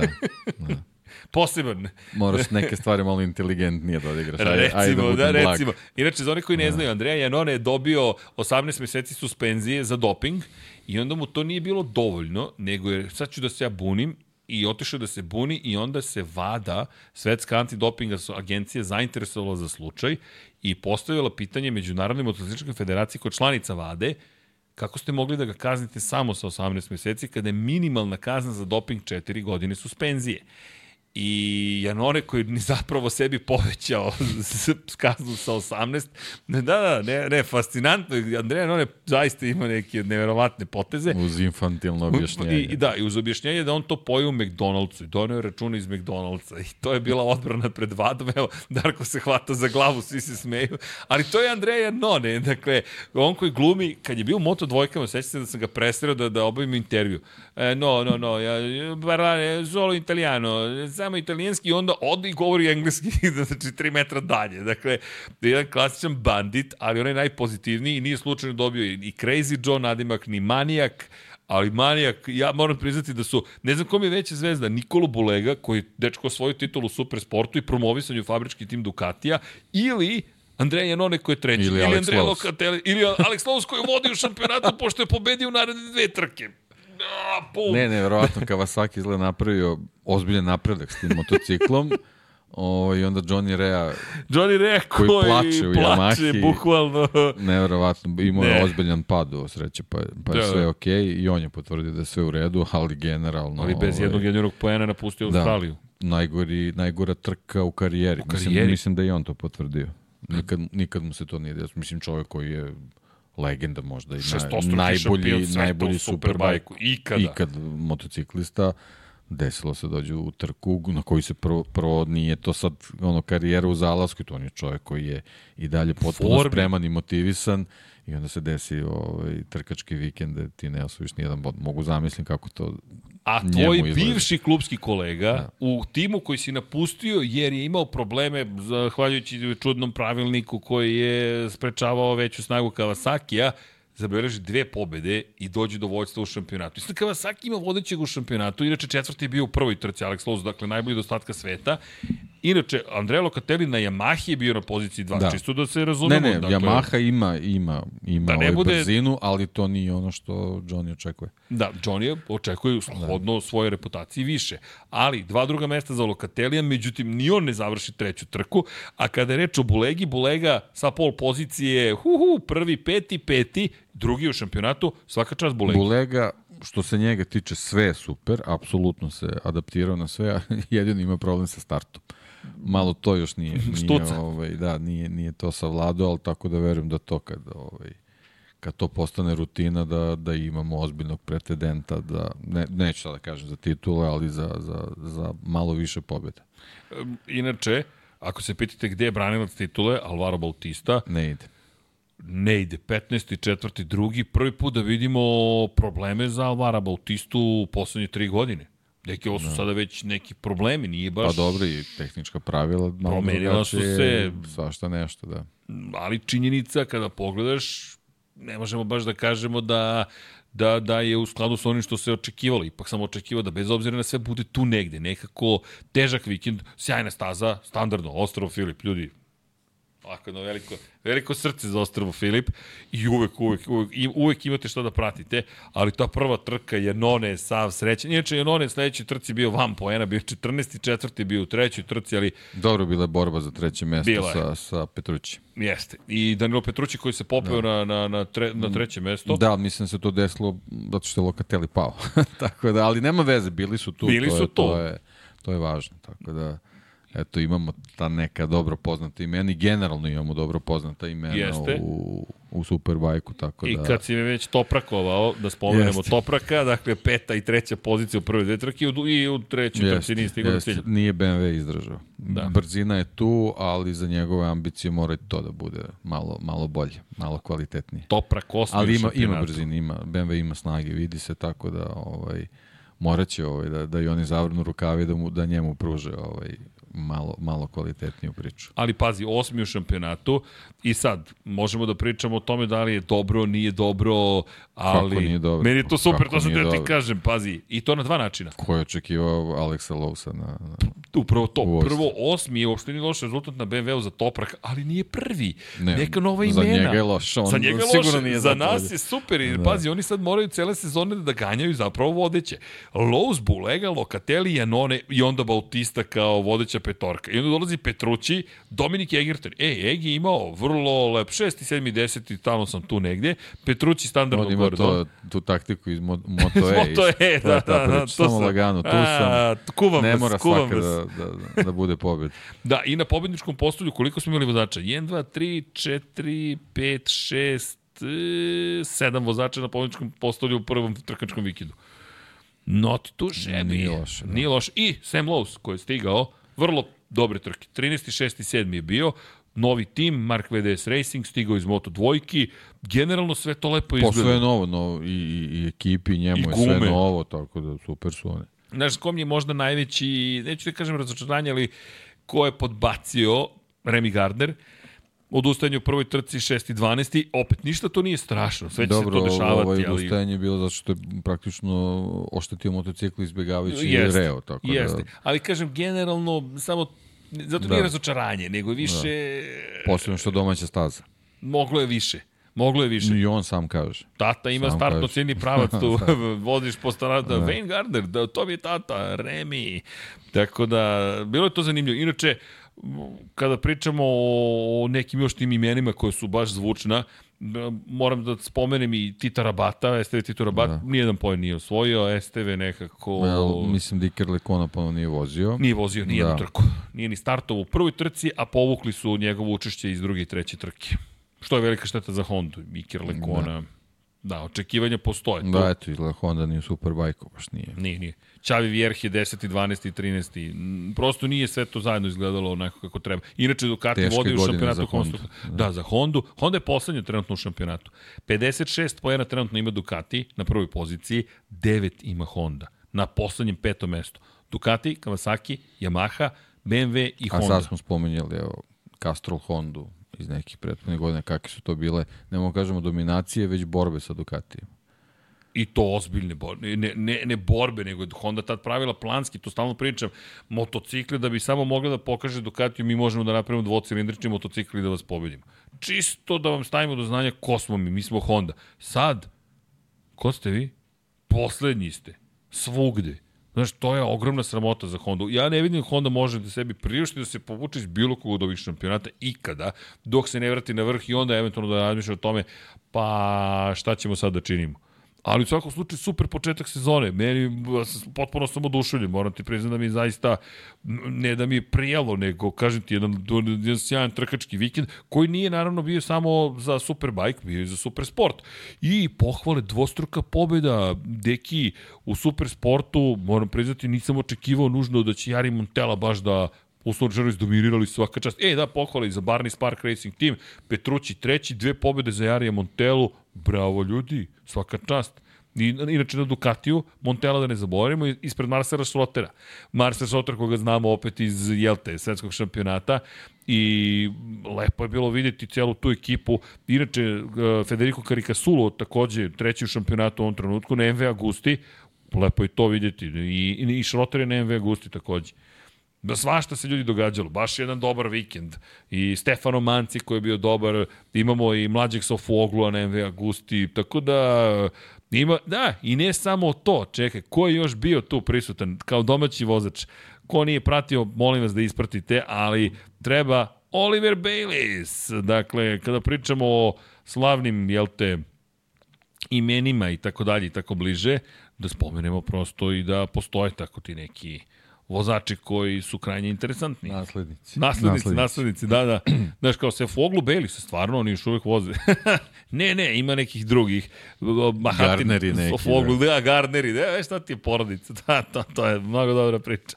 Da, inače, u celoj ovoj priči Kajto Toba se našao, da spomenemo neki od onih vozača koje smo gledali prethodne godine. Tu su i stari znanci, Lorenzo Baldassari je tu, Simone Corsi je tu, veterani zaista, Niki Tuli, Nicolo, Nicolo Antonelli, svi su oni u supersportu. I kad pogledaš spisak vozača, stvarno je nevjerovatno spisak vozača, pri čemu, ja moram da kažem, imam jednog e, uslovčenog minjenika, 36 laganih godina, ima Rafaele de Rossa, ko je zaboravio Rafaelea, dakle, italijan čuveni iz Napolja, koji je nekada davno tamo na 250-icama u Hondama se borio i za pobede, dva puta bio treći, u Australiji osvojio i pol poziciju, tamo 2009. ali eto, Rafaele de Rosa, inače čovek koji je u supersportu već duži niz godina, u ovom je treća, četvrta godina da se takmiči u punoj sezoni, ali eto, kažem, minjenik. To je više, jel te, priča iz neke mladosti, ali kada pogledaš koliko voza, Hikario Kubo, vozača koliko hoćeš imaš u ovoj kategoriji, mnogo je zanimljivo zapravo vidjeti ko, ko sve učestvuje. I John Onđu, između ostalog, John Onđu, to za malo da zaboravim. Ali eto, i Ducati ovde takođe vodi u šampionatu ispred MV Agusta, Yamaha, Triumph, Kawasaki, Honda. Ma lep šampionat, zaista. Da, no, čekamo ih u Evropi da vidimo, pa da... Da vidimo gde će, šta će i kako da. će. Ali baš je bilo dobro trkanje. Inače, sledeća trka 23. i 24. mart, Katalunja. Eto. To je runda broj 2, je li tako? Jeste. Da, da, da, Barcelona. Jeste, jeste, Barcelona. Da, da kažem, čekamo ih u Evropi. Pa da vidimo, odmah će oni to u Evropu da uskoče. Inače, vikend koji kada pričamo o očekivanjima, ih je i više nego ispunio što se mene tiče, moram da ti priznam, jer stvarno nisam očekivao baš, Janone možda na meni najveće uslovno rečeno oduševljenje, sam je ono, šta se ovdje dešava. Inače, Super Sport 300 počinje svoj šampionat u Barceloni, nisu bili prisutni u, u Australiji, pa čisto da napomenem SSP 300 da će se tamo pojaviti. Ali generalno, da se vratim na, na Superbike, pazi, Razgatli Oglu počeo karijeru BMW-u na jedan lep način, što me dovodi do do Aprilije. Zašto do Aprilije? Massimo Rivola se oglasio po pitanju novih proizvođača i možda ćemo od 2027. godine zaista videti nove proizvođače. Imamo pet konstruktora trenutno u Moto Grand Prix-u. Dakle, krenemo od šampiona. Ducati je tu, zatim, ajmo da spomenemo zasluženo, rekao bih, Apriliju, KTM, Gas Gas je isti kao KTM, ne, ne sme da se vodi kao odvojeni, kao odvojeni konstruktor, pošto je to bukvalno RC16-ica, i Yamahu i Hondu. Suzuki nam se penzionisao, to jest otišao nekim svojim putem, isekao motocikle i napustio sve, ali BMW navodno to želi Carmelo Espeleta da se pojavi u Moto Grand Prix. Deki, BMW, to bi značilo loše za, za Superbike, mislim da bi odustali od tog programa, ali ako pogledamo, jedan od redkih ljudi koji nije Moto Grand Prix video ultra talentovan jeste bivši šampion sveta u Superbike, Toprak razgatli oglu. I možda će to zaista da se desi. Jeste, ali to je stvarno u, u, u današnjem svetlu razvoja Moto Grand Prix, to je baš ogroman poduhvat. Da, inače BMW nikad nije učestvovao u Moto Grand Prix. Nikada. Dakle, nije se pojavio u tom kontekstu. Ni KTM se nije takmičio u, moto, u kraljevskoj klasi sve do koliko, pre 10 godina su počeli, ali opet, za, što ti kažeš, u ovom trenutku, kad smo videli sve ove fotografije, koji ti razvoj moraš da imaš motocikla po pitanju, ajmo da krenemo od osnove, RAM. Ajmo da ubacimo, ne osnova, ajmo od motora. Motor sa unutrašnjim sagorevanjem mora da bude prototip. Sad ti moraš RAM da napraviš. Od čega praviš RAM? Idemo aluminijum, idemo čelik, idemo ugljenična vlakna. Zatim, ajmo oslanjanje, ajmo oplata. Čeka oplata, ne više oplata, ti sad imaš ozbiljnu aerodinamiku. Pa sad, ajmo od prednjeg kraja da krenemo. Ti sada imaš aerodinamiku, kao što smo videli i kod Honda i kod HTM-a, uvodnika za vazduha, kamoli nešto drugo da ne spominjemo. Pa prednja krila, pa ajmo krila dole na oslanjanju, pa ajmo zatim bokovi, dakle ili ideš na ground, na efekat tla ili ideš na klasiku zapravo bez efekta tla. Zatim, kako ćeš da hladiš, da li ti koristiš to hlađenje, to jest topa vazduh koji izbija na bokovima kao kod Aprilije, da sad još veću zapremenu vazduha pošalješ negde pozadi, pa praviš difuzor ispod sedišta, pa praviš dupli difuzor ispod sedišta, pa praviš gore zapravo novu površinu koja će da stvori negativni uzgon, a nismo se još dotakli elektronike. A onda ajmo da se dotaknemo analognih sistema koje Ducati koristi, koji kao da je vodoinstalater ga je pravio. Hidraulike na sve strane, samo cevke koje spuštaju prednji kraj, spuštaju zadnji kraj, pa onda ti da okineš, da ti sada već na izlasku iz krivine on prepoznaje šta će da uradi ceo sistem kroz žiroskope, ko zna šta je smešteno u repu Ducatija i spusti sam motocikl kad ti počneš da dodeš gas i otkači se kada stisneš kočnicu. Pazi, ti, sve to treba napraviti. I onda biti u jednoj sekundi u odnosu na prvoplasiranu ekipu i ubediti nekog vozača da ti se pridruži Tako da učestvuješ u celom tom ludilu. Aleš Espargaro. Aleš, for the win, for the pension plan. ba da, ne, ale, pa Aleš, pa pazi, ja bih ga, a ja bih ga doveo i rekao, ok, Aleš, ajmo, idemo. Ali baš, ako bi sad ušli, ne, baš bi čekalo. Baš, pa pazi, Honda koja je tu decenijama ne može se snađi. Ne zna šta radi. A bar imaju neku osnovu. A bar imaju neku. A ti dolazi, treba bi da dođeš znači, sa, sa Superbike konceptom koji generalno nije, nisi ga ni tamo osvojio koliko treba. Nisi postigao ono što Pritom, si želeo. si probao još pre 15 godina. I ti pokušavaš i pokušavaš i pokušavaš. I pokušavaš. Da. Od troje Korsera pa na ovamo. Troje Korser, Korser Ruben Jaus. Ćao se doveden iz Ducatija da bi da bi da bi oni došli do da bi nešto do, do, do, neke osnove dakle, do cilja, ajde da tako kažem. Da. U ozbiljan, ozbiljan ih čeka posao ako se odluče za to, ali Dorna to juri. Međutim kada spominjemo Dornu, da li će to Jorno da juri? Da li će zaista da to bude Dorna? Jer vraćamo se na ono što smo već najavljivali. Kad smo najavili prošle godine, gledajte, lepse, čekaj, like, share, subscribe, zašto, ajmo subscriber, ej, blizu smo 50.000, ljudi, dakle, trenutno smo na koliko subscribera, 48.543. Pa zaista, da, da li nećete hiljadu i po samo vas da klikne subscribe, skromno, krajnje. E, ali deki, da ti veruješ, mi smo sad skoro 50.000 pretplatnika. I dalje bizarno. Ti ja, ja mislim nikad nećemo posuditi kad je reč. Više sam verao u Bulegu. ali ne popustiva. Ali vidiš, da. I, možda si više verovao, ali nisi nikad odustao. Ne, nikad. To je prava ljubav. I da znate kako svemirski radar izgleda, bit ćemo pravi svemirci dole. Nisi još neki u sve rekao, ne, nisam imao srca da mu kažem da imamo neki novi plan. A ovaj, hteo sam prvo da uradimo podcast, pa onda kad završimo, nisam znao da li će da pobegne glavom bez obzira. Nije bez brige, evolucija je plan, nije revolucija. Drago mi je. Evo, si vidio da sam čak i odustao od nekih ideja. To je znak zrelosti. Jeste. Eto. Dakle, odustati od nekih ideja ili ih možda samo pomeriti u vremensko u vreme prostoru negde. U drugi kontinuum. Otprilike tu negde. 48.543. Ajmo ljudi, ajmo, akcija, da idemo do, do 50.000, a onda do 100, da dobijemo onu srebrnu plaketu, razumeš? I onda je nosim po gradu. Ne, odnesem mami. Ne, napraviš majicu. Majicu, ja. To još niko nije uradio. Jel sad ja brbljam? Evo, subscriber, novi subscriber, tako je, to volim da vidi, e, kako se širi ekipa, samo udrite. I ove godine ćete moći da gledate emisije u kosmosu. Ćemo da to uradimo. To nove, prelili smo 7. Sad januara. ja brbljam.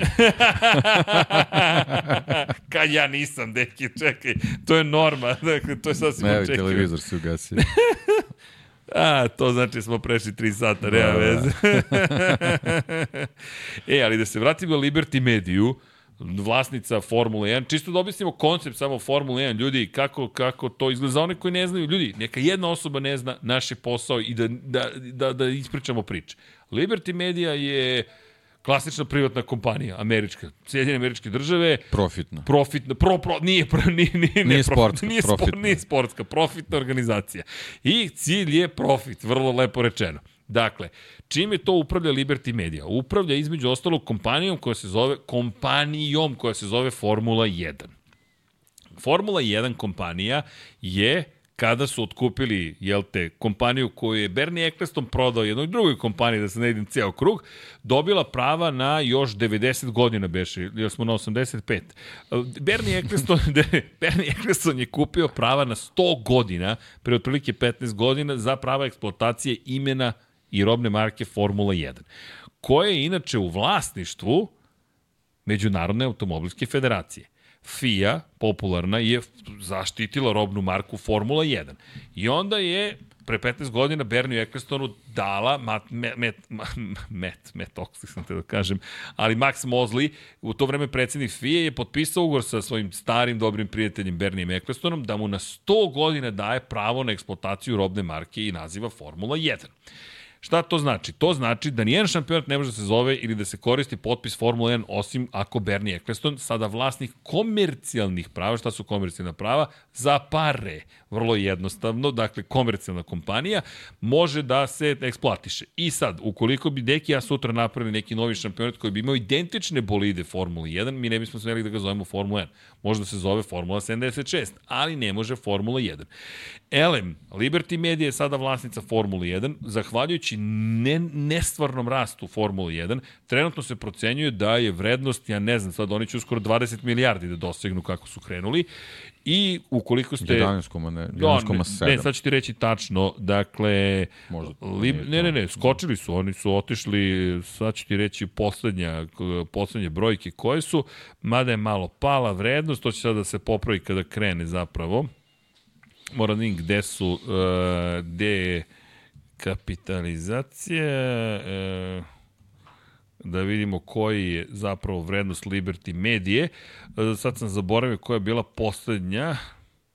Mm, mm, mm, Nisu, da, preterao sam. Sad su na 10, milija- 9,8 milijardi. 11,7 je nešto sam ja vidio na 11,7 je kraju bio rekord, sezone. da, na kraju. Da. Sad su trenutno u padu, s obzirom na činjenicu da su imali skandal sa Christianom Hornerom, s obzirom na činjenicu da su odbili Andreti kompaniju, to će ih koštati. To će ih ozbiljno koštati. Američko tržište to nije baš inače lepo su rekli podnelo. da, da ovaj, Andreti ne bi finansijski doprinao ničem. Da, da, da, ali može da odmogne Da. da. kako. E, kako Isto god, bi tako i doprinao. E, da, inače Liberty Media kada je imala najveću vrednost, Inače, danas je rođendan Mario Andreti. Ej, čestitke, pozdrav Mario Andretiju. Mario Andreti, šampion sveta Formula 1. Ko želi da zna više o šampionima, imate knjigu shop.infinitylighthouse.com. Možete da se vratite u Svetogorsku 46, a uskoro i u Svemirski ranč u Gastrošoru. Dakle, najveće, ne, znam da sam za- zapamtio brojku. 22,29 milijardi dolara je bila vrednost Liberty Medije e, kada je imala najveću vrednost, dakle ikada. Ali, kako god, i dalje oni mogu biti vrlo zadovoljni u celoj priči onim što se trenutno događa, a to je da imaju mnogo para.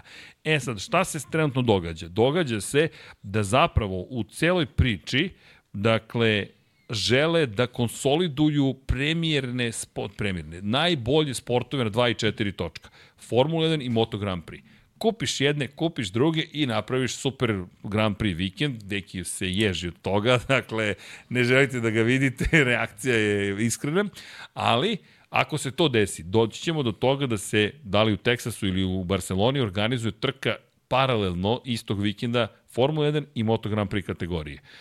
Pa generalno danas je bilo, bio istori, da. bila istorijska prezentacija, prvi put Moto Grand Prix. Jeste, to smo zaboravili da spomenuti, a to 1. krenuo sam upravo to, imaju logotip. A to ne smemo da zaboravimo. A to ne smemo da zaboravimo, jer to se ne radi.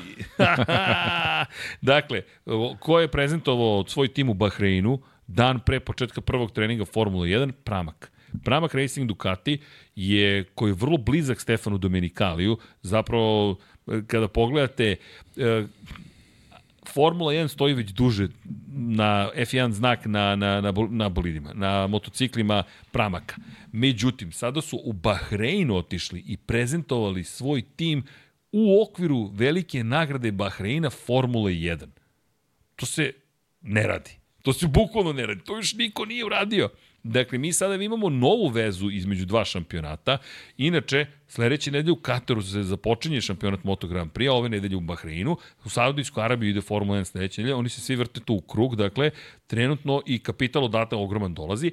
Ali šta je pojenta? Liberty Media sve više pokazuje zainteresovanost za kupovinu Dorne. Šta je Dorna? Dorna je kompanija koja nije kupila Moto Grand Prix. Dorna je kompanija koja je izmislila Moto Grand Prix naziv. Dakle, za razliku od Formula 1 koja se renta na 100 godina i pripada FII, FIM nema pravo, niko nije izmislio Moto Grand Prix, nego Dorna, da bi komercijalizovala sve, izmislila Moto Grand Prix. Trademark, njihov trademark. Šta kupuje, dakle, ekipa koja otkupi Moto Dornu, otkupljuje Moto Grand Prix. I naravno, FIM, verujte, neće odustati od toga da sarađuje sa Dornom ili Liberty Medium sutra. Naprotiv, samo će se proširiti dalje. Šta to za nas znači? Ja ću da citiram jednog od gledalaca i koji je rekao, ja se samo nadam da ovo ne znači da ćemo imati ulične trke. Pošto je to trend u Formuli 1, ali mislim da smo to objasnili. Formula 1 će biti rezervisana za gradove, Moto Grand Prix za staze. To je Deki negde naslutio. Bojim se kad Deki nešto nasluti, obično se to desi i često ono što nasluti nije baš poželjno, nije on kriv zbog toga, nego on samo čovjek koji vidi stvari. Rekao je, ljudi, pogledajte Lab 76 iz 2021. Kad je rekao, ovo je Formula 1 s početka 90-ih i očekujte dalji napredak svega što trenutno vidimo i evo nas tu gde naše kolege sad uče rečnik iz Formula 1 u Moto Grand Prix, da bi ostale u toku. Šta se ovo zbiva oko nas? Nama je lakše jer pratimo jedan i drugi sport i volimo ih, ali činjenica da Liberty Media bi mogla da kupi Dornu, samim tim sve ide pod jednu kapu i nemam pojma šta će to da znači. Iskreno, ono što je dobro za Moto Grand Prix, najzad će neko ko zna da radi marketing da se pojavi u Moto Grand Prix-u, jer kada počinje vrtoglav rast Formula 1, kada su promenili marketing, Nisu promenili sport na samoj stazi. Promenili su marketing. Drive to Survive, i, zašto, jesi pogledao novu epizodu? Ne. No, ok, jedina sam ja ovde pogledao novu sezonu i teško mi je onda da komentarišem po opet. Često ja pričam sam sa sobom, očigledno, ali ne baš toliko. Nego, poenta jeste da je Liberty Media od e, nečega što je donosilo pare svakako vlasnicima prava, došla do toga je to mašina za pravljanje takve količine novca i vlasnicima prava i pratećoj industriji u državama koje posećuju, da sad svi žele Formula 1. Ljudi, to je show business jedan na jedan. Dakle, u Njurku se prezentuju bolidi, snimaju se filmovi, Brad Pitt glumi vozače, haos, kompletan haos. Dakle, vi imate sada... Još for... pomalo sporta negde da bude De, super. Desi se tu i tamo neka trka i tako dalje. E sad, kod Moto Grand Prix-a se dešavaju trke non stop. Ti već imaš zvezdu na stazi, sad samo pokaži celom svetu šta je Moto Grand Prix. Bukvalno. Ja samo mogu da mislim, ja, ko je interes Liberty Media, mislim će rasprodati sve, sve staze. Jer će napraviti zvezde. Da li će biti Ride to Survive ili nešto, nemam pojma. Ono što mogu da vam kažem jeste da su pregovori u toku sa Netflixom. To, to smo vam rekli još u novembru. Sada naše kolege počinju da pišu o tome, ali Lab 76 je bio informisan već tada. Ili ti, samo kad se dokopamo staze, Niko još uvijek nas ne prepoznaje, ali majice će uskoro da nas otkrivaju. Matt Oaksley kriv za sve. ali dobro. Da, inače spremamo još neke majice nove. Tako da, ove godine ćemo se zabavljamo. Kako god, neki, ne, ne znam što da kažem uopšte na to, na to spajanje. Kako ti to vidiš ako, ako Liberty Media zaista kupi Dornu? Pa dobro, mislim, kažem. Da, evo ga Matt Oaksley, izvini. Evo ga. Bravo, Vlado. Sa Lab 76 majicom stoji, inače ovo je 37. sezona u Moto Grand Prix šampionatu kao novinaru. Čovjek inače koji je vozio, vozio Isle of Man TT, ne u najjačoj kategoriji je vozio, čovjek koji obožava motocikle, čovjek koji je stvorio karijeru pišući upravo o tome šta voli i zaista ne poštovanje, nego mega giga turbo sega Deluje mi da ovaj usi za vazduh nije isti kao na I meni se primetio, isto smo gledali. da.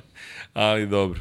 Elem, izvini, prekinuo sam te. Kako Nemam ti to vidiš? Pa da, pa prirodna stvar, pošto već sve što si rekao vezano za Liberty Media, oni su pre svega finansijska ovaj, korporacija koja pravi profite i potpuno je okej okay da nešto što je popularno, kao što je Moto Grand Prix, uzme u razmatranje kao stvar koja može da, da, da doprinese njihovom portfoliju i povećanju ovaj, zarade, naravno. Je sad kako će se to inkorporirati u taj, taj sportski deo o kojem pričamo, da li će to samo da bude neki spektakl vezan za show biznis ili će neko stvarno da, da razmata taj sportski aspekt, to, to sad u ovom trenutku ne znamo, ali te neke najave koje, koje su planirane, sad, meni se ne sviđaju, ali generalno ovaj, možda to može da bude neki dobar koncept koji će neke njihove planove da zadovolje. Tako da ovaj, nije, nije mi ništa čudno ni neobično što, što su zainteresovani za, za nešto gde, gde popularnost raste bukvalno iz vikenda u vikend. Kada pričamo o, o popularnosti, ja moram da kažem da je ova međusezona bila mnogo bolja po pitanju Moto Grand Prix nego ranije. Hamilton je to sve Čekić opalio kada je potpisao za Ferrari. Pa ne, baš je bio hammer time kada je potpisao, pa ozbiljno, potpisao za Ferrari, sve se raspalo. Dakle, sve što je Moto Grand Prix radio do tog trenutka, Stop the press, što bi rekli u starom filmu za nas mlade, 89. godine, Batman, jel te, jel se sećate Batmana, onog, onog, onog Batmana i princove muzike, ali zaista je čovek zaustavio planetu kao potpisaš za Ferrari i prebacio onu kompletno na, na Formulu 1, pa priča sa Kristijanom Hornerom, pa testiranja, pa Andreti odbijen, pa ko će, gde, kako, zašto, baš je bilo uzbudljivo, ali ja hoću da pohvalim dalje Moto Grand Prix, ljudi, nešto se dešavalo u ovoj međusezoni, nije bilo samo, e, vidimo se u Kataru jednog dana, nego i predsezona, pa testiranja, pa promene, pa iz perspektive toga da su Honda i Yamaha mogli da testiraju i duže i više, da smo dobili zapravo koncesije u Moto Grand Prix, baš se mnogo toga izdešavalo. I evo nas, ne zamerite, dva, dve, tri nedelje kasnije, ali šta ćete, život se takođe dešava i nama paralelno, o, tako da smo malo morali da sve ispomeramo i da, da, da, da se družimo danas, večeras, sledeće nedelje nadam se da ćemo biti u nekom redovnom ritmu. Jedino ne znam da li treba u nedelju da radimo Lab 76 za Formula 1, pošto je trka u subotu. da, ne. Znaš, kao, šta, šta radimo? Ne šalim se, naravno, ali, ali, ali ja to mi popada. Čekaj, ali, ali, ko zna. ali ko zna, da, šta radimo? No, kako god, svako ćemo sledeće nedelje biti tu. Ne znači da završavamo, imamo pitanja. Ja, ja, ja nisam ispratio chat, ja sam bio u fotografijama i u svemu, ne znam da li... Ima novog člana, ima donacije, čekajte ljudi, nisam ispoštovo ljude, nisam ispoštovo ljude, a to nije lepo. Pozovite sve karte, pozovite sve karte. Opet stari filmovi. Da, izvinjam se, čekaj, novi član, Viewer Activity, uh, PFT Mike, uh, pozdrav celoj ekipi, Lab 76, poslom je, poslom je postao zanimljiv iz vas, mislim da ćemo gledati reprizu prošle sezone, samo što će Marquez zameniti Beka, uh, Beca. O, ajde da vidimo. Darko, šta vi mislite o Marquezom prelasku Ducati? O, skepsa, skepsa na licu. to me omiljeni vozač, inače. Kao velikom navijaču Valentina Rosija. Ste kupili knjigu? Ali, činjenice, ba ajde, PFT Mike, hvala vam. Ja ne znam gde radite 5,99 evra je donirao čovjek. Hvala na tome, hvala na tome. A da vidim samo e, novi član, nisam vidio novog člana, ali dobro, možda YouTube to negde sad. A, novi člane, članice, dobrodošli u, u pravu ekipu. Da, ne znam da ćemo baš gledati Markeza umesto Beca. Hm, ne znam. Ajmo da se prebacimo na live chat. Srki Deki, pratio sam test uživo na stream, italijanski novinari vrte priča da će ova sezona biti Markeza koji će skupljati pojeni da se ne porodi da nema šanse za titulu. Ja zaista ne znam.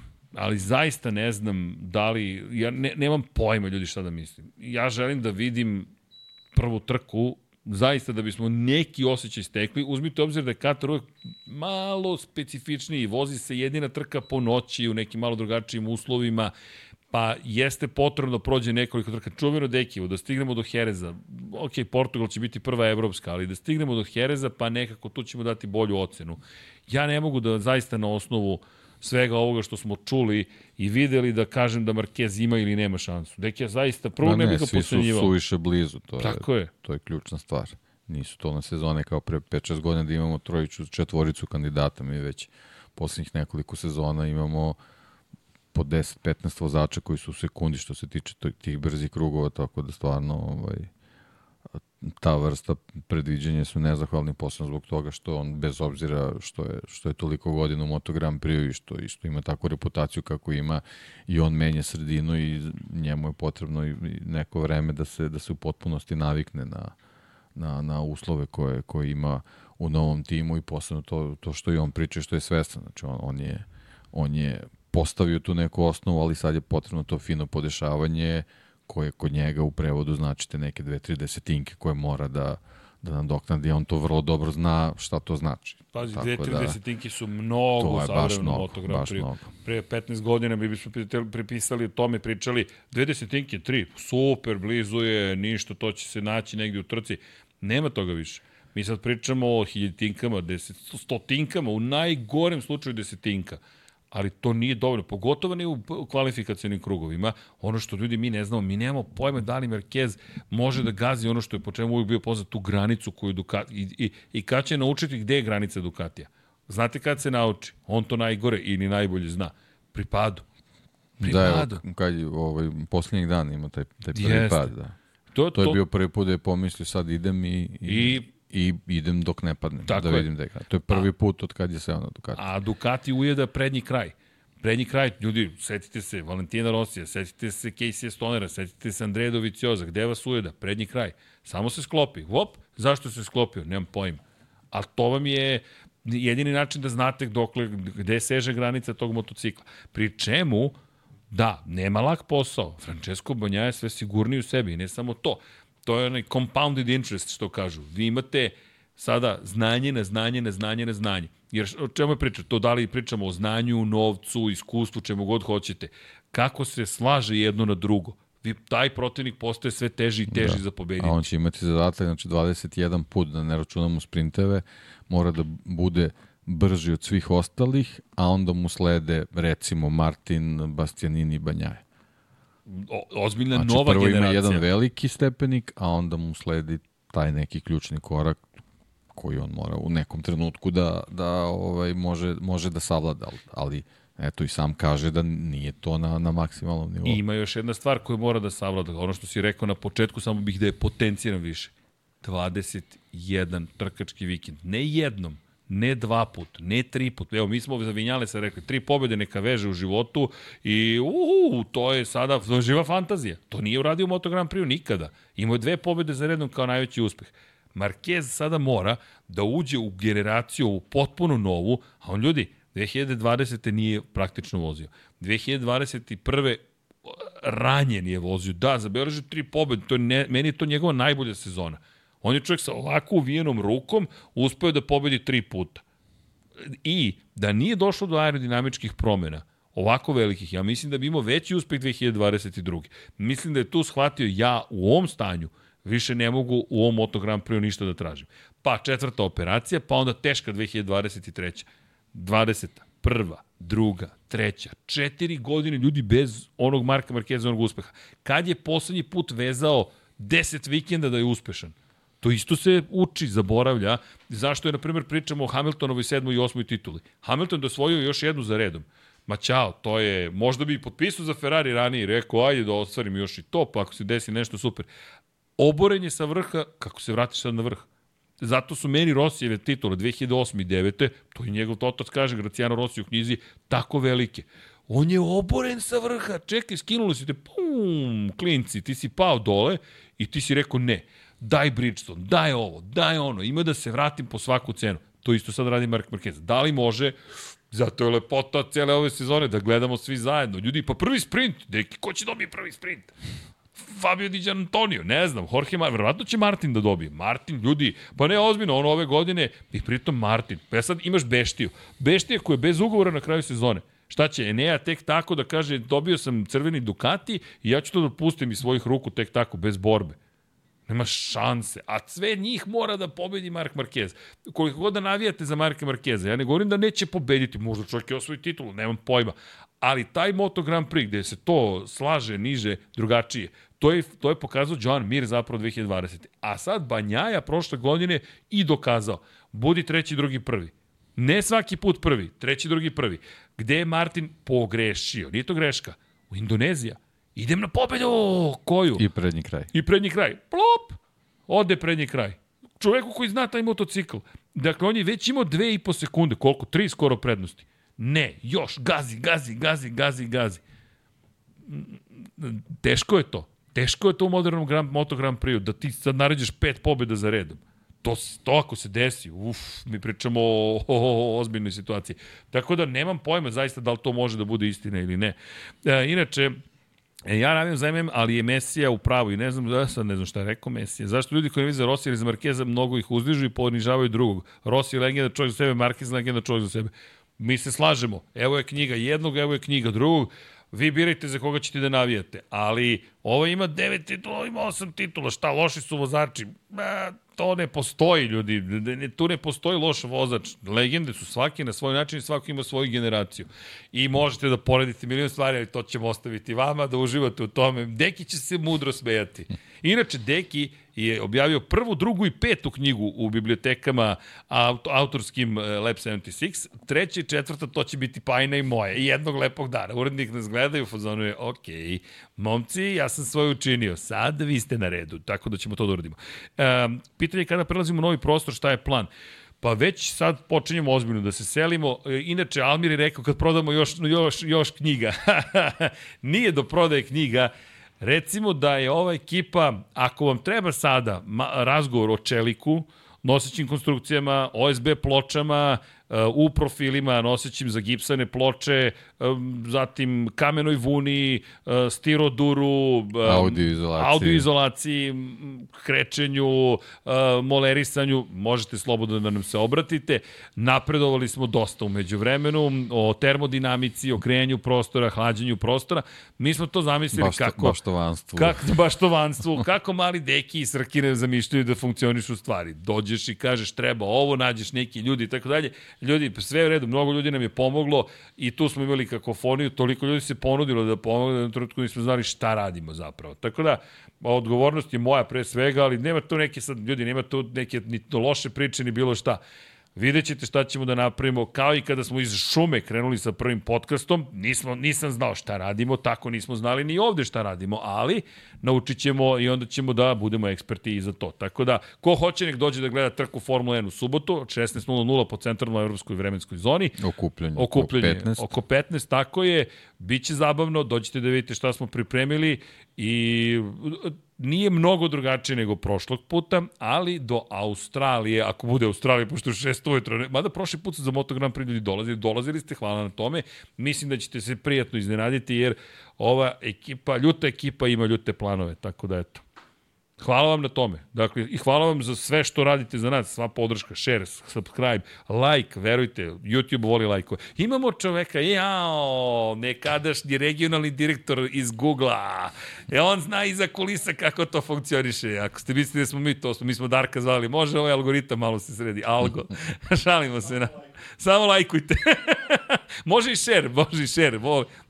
Share još bolji, tako pošto onda YouTube kaže, o, se deli okolo naokolo. To su stari drugari. I drugarice, naravno. Ali da, ja volim tako da vidiš da sramotim ljude uživo. Deki se ni dan danas nije navikalo, nema već. Dobro, ljudi, čisto da znate, ovo je euforija i raspoloženje zato što je, jel te, situacija zapravo tako malo teže na porodičnom nivou, ali hoću da vam kažem stvarno hvala. I hvala za mnogo lepih poruka prenete su porodici, hvzima koji ste pisali, gde god da ste pisali, nisu prošle neopaženo, nismo stigli da odgovorimo svakom po osob, ali vam hvala na tome i kažem, ovako bi tata hteo. Dakle, novinarstvo ne sme da trpi, to su bile njegove rečenice, jer to je, šta smo rekli, Osmi greh je novinarstvo. Ko u ovo uđe, on okupio svih ovih ostalih sedam u jedno, otprilike. Ali dobro. Inače, rekao sam bratu, pošto je moj tata proveo dobar deo svog istraživačkog rada u Prešernovoj kleti, ali ona više ne postoji, ali eto, ta znate. Tamo su se okupljali novinari. Ideš u Prešernovu klet, Šumatovac, ideš u Podlipom i Grmeč eventualno, ne znam, ne, tako deki i nepoznate kafane, uh, biblioteke, izvinite, svugde po i Jugoslaviji i Srbiji, gde god. Ne, to moram da ispričam anegdota. Vozimo se, nemam pojma gde smo bili. U šumu smo neko zalutali, Ćale u sred šume kaže, ako skreneš ovde desno, na kraju puta je odlična kafana.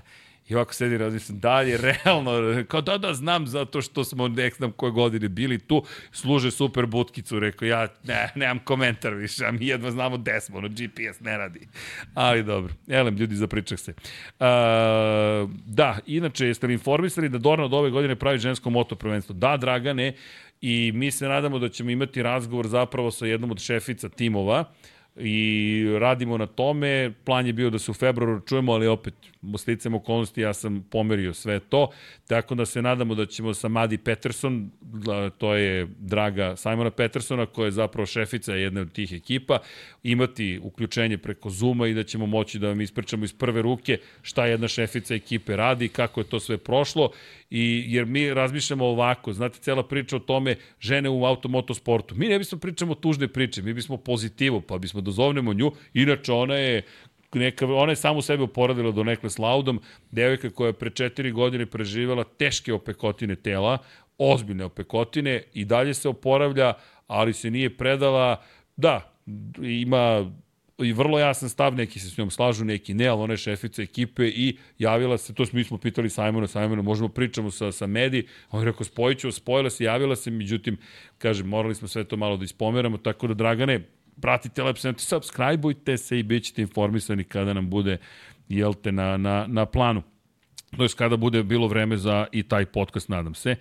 E, pričali smo o manijaku, jesmo kako nismo pričali o manijaku. Janone, Janone, ne, znam da li je klasa, ali je poseban, zaista je drugačiji.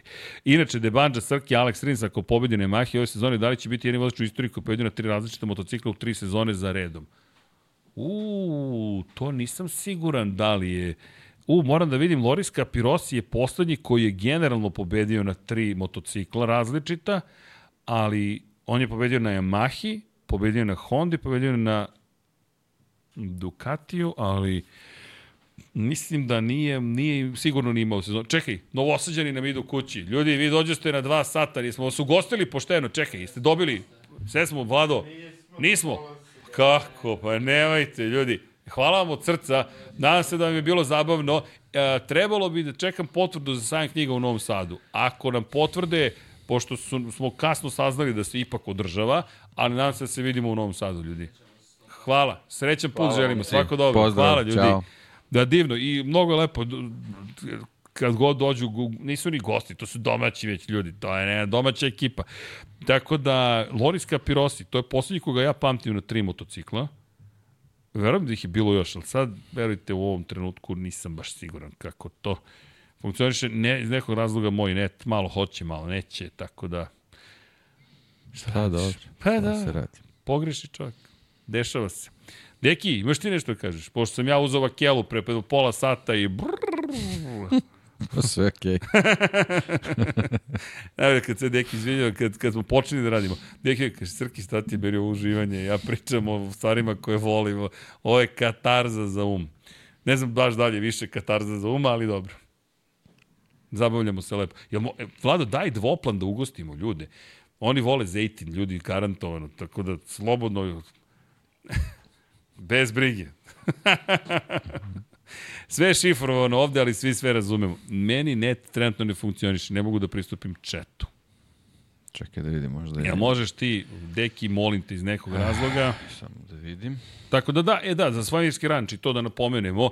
Hvala svima za podršku i pomoć. A, kada je reč o organizaciji, pa evo sad smo, moram kažem, Deki, Pera i Srki, ljudi baš su bili vredni ovih dana svašta je dole organizovano. Vi nećete to ni vidjeti, to je sve iza kulisa nekako, ali mislim da ćete biti srećni u narednih mesec dana šta smo sve to uspeli da postignemo malo sporije, ali setite se i početaka. U oktobru 2019. je bio prvi Lab 76, pa drugi, treći, i onda pauza do aprila sledeće godine. Izgleda nam je to neki trend sa potpuno novim stvarima.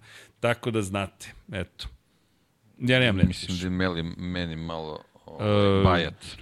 Sad ćemo da vidimo. Ovo su baš, baš stari, stari, komentari. stari neki komentari, da. A ne mm. mogu da, da osvežim. Da, A to vidim da, da po broju ljudi u četu u, u, u podcastu da mi to stoji. Ništa se ne menja, tako da... Nešto se e, desilo. Nešto se da, desilo. Dobro, dobro. Vlado, smo live makar. Da. to, to vam kažem. Uopšte nije loše. Da vidite Sirće kako je tek. Ali dobro, to je inače poklon koji smo dobili u ponedjeljak. Deki, da. hoćemo polako da se pa, javljamo. Pa, već imamo ovaj, imamo ovaj glitch. Glitch neki, da, da ne, neće. Da, okay. Diskonektovao sam, diskonektovao da. me. Vlado, je li ima neko pitanjce, nešto da smo propustili? Dobro, lepo smo se ispričali, makar ja imam utisak da smo se lepo. Ej, 48.555 like, subscribera, to, super. to. Da, ajmo do 50. Pa dobro, sad smo uhvatili smo ovaj ritam, nadam se da da da, ovaj, da trebalo bi da bude okay. što si rekao da bude ovaj trebalo bi, trebalo bi zaista u, u standardnim terminima, tako da tamo hvatamo zale što se tiče prije za najavu sezone i to je to. Jeste, i nadam se da će biti... Sredit ćemo internet. Sredit ćemo, ne, ne, radi ovaj da. važni internet, da, da, da, ali ovaj da, drugi, da. Ovaj drugi ćemo da sredimo tako da, da možemo na njega da se osnovimo. Prijavili smo kvar, kažu nije. Da. Kvar, ona crvena lampica, ako je ono normalno ponašanje rutera, ja sam Dejan. Ali dobro. A nisi. A nisam. u svakom slučaju, ljudi, hvala vam još jednom za sve. Dakle, kao još... dobra, dobra, Vlada, dobra, dobra. dobra. Do, Vlada, Vlada i Deki su vam iz, iz ekipe 1 kroz 4. To sam naučio od Fašketa. Da. 1, 4, 1 kroz 4, jel da, Deki? Pomene se s mesta. večera se ne, večera se 3-0 bilo. Tako da. Za koga? Za, za, za, osnov, ekipu. za osnovci. Za osnovce. za osnovci. Mi sa osnovcima trenutno igramo, ne trebaju nam ovi matori futbaleri. Mi, mi sa decom Kako se osmehuju ovi Liverpoolovci, dakle, da ih vidite, dakle, ogroman osmeh. Darko, za koga ti navijaš? U futbolu? Ma kakav futbol, nema kacige, nema dva točka, ko to prati?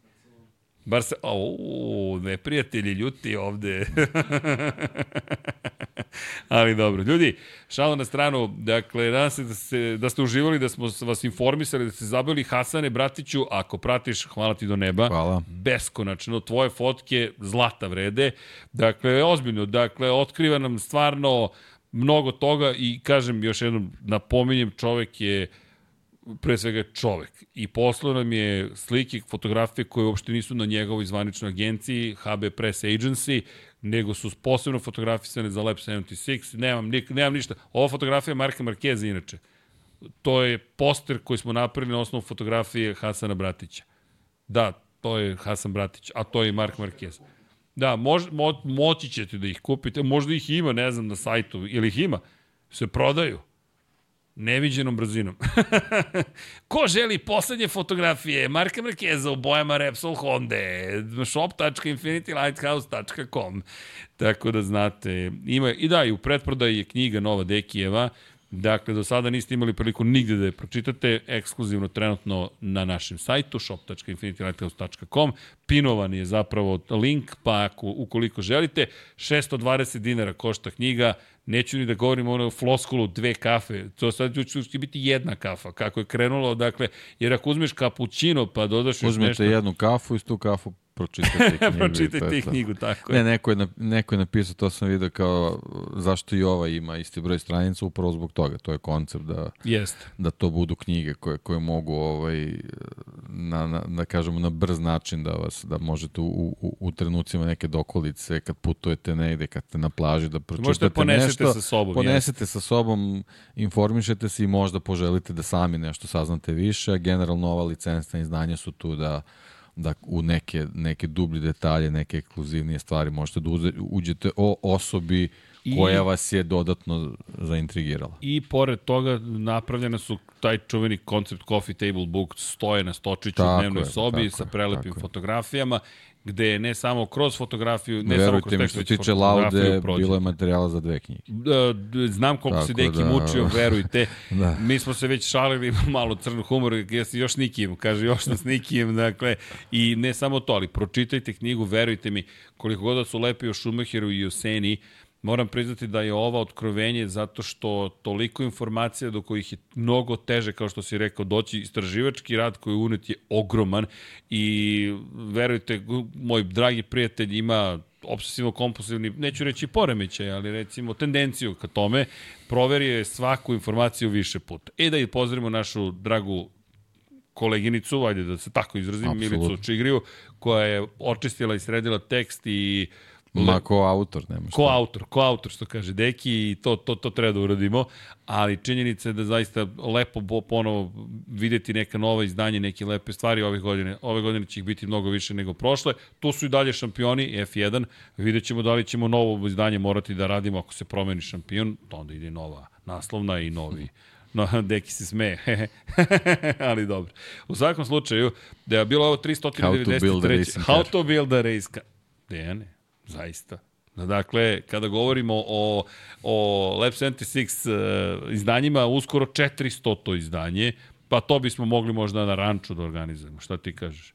Lep jubilej. Pa što da ne. Zašto da ne? Pa i neka bude na, na, na tribinama ili nekako već napravimo jedno lepo druženje. Sad znamo i koje mikrofone da koristimo u tom ambijentu i to smo naučili, vredni smo bili, ali hvala vam ljudi za sve i nadamo se da ćete uživati i u sutra u Formuli 1, da ćete se pripremiti za Moto Grand Prix najavu najpre, jer sledeće nedelje dolazi Lab 76, velika najava Moto Grand Prix sezone, trostruki kralj ili ili, ili pa sad ko zna šta će tamo da sve stoji, ali mi idemo dalje, pozdravljamo se polako ali sigurno, pozivamo da nas podržite patreon.com kroz Infinity Lighthouse, znači svaki dinar, ili shop.infinitylighthouse.com, pa da nastavimo dalje sve, celu priču, da budemo nezavisni, da baš radimo neke lepe stvari. Hvala, hvala svakako i za sve ostalo. Like, share, subscribe, takođe i kako pomaže i to bi bilo to za večeras. Pročitat ćemo naravno imena svih koji nas podržavate i na taj način, a ne zaboravite i u knjigu, opet su otišla imena svih onih koji su izrazili želju kao Patreon i članovi YouTube-a, ko želi može da klikne join, da se učlani, isto košta na mesečnom nivou, ja mislim 500 dinara, ali nama to znači, zašto? Zato što mnogo vas i koliko god novca da date za ovo što mi radimo, će biti mnogo novca. Ili ćemo mi potrošiti sad taj novac svakako bio on mali ili veliki.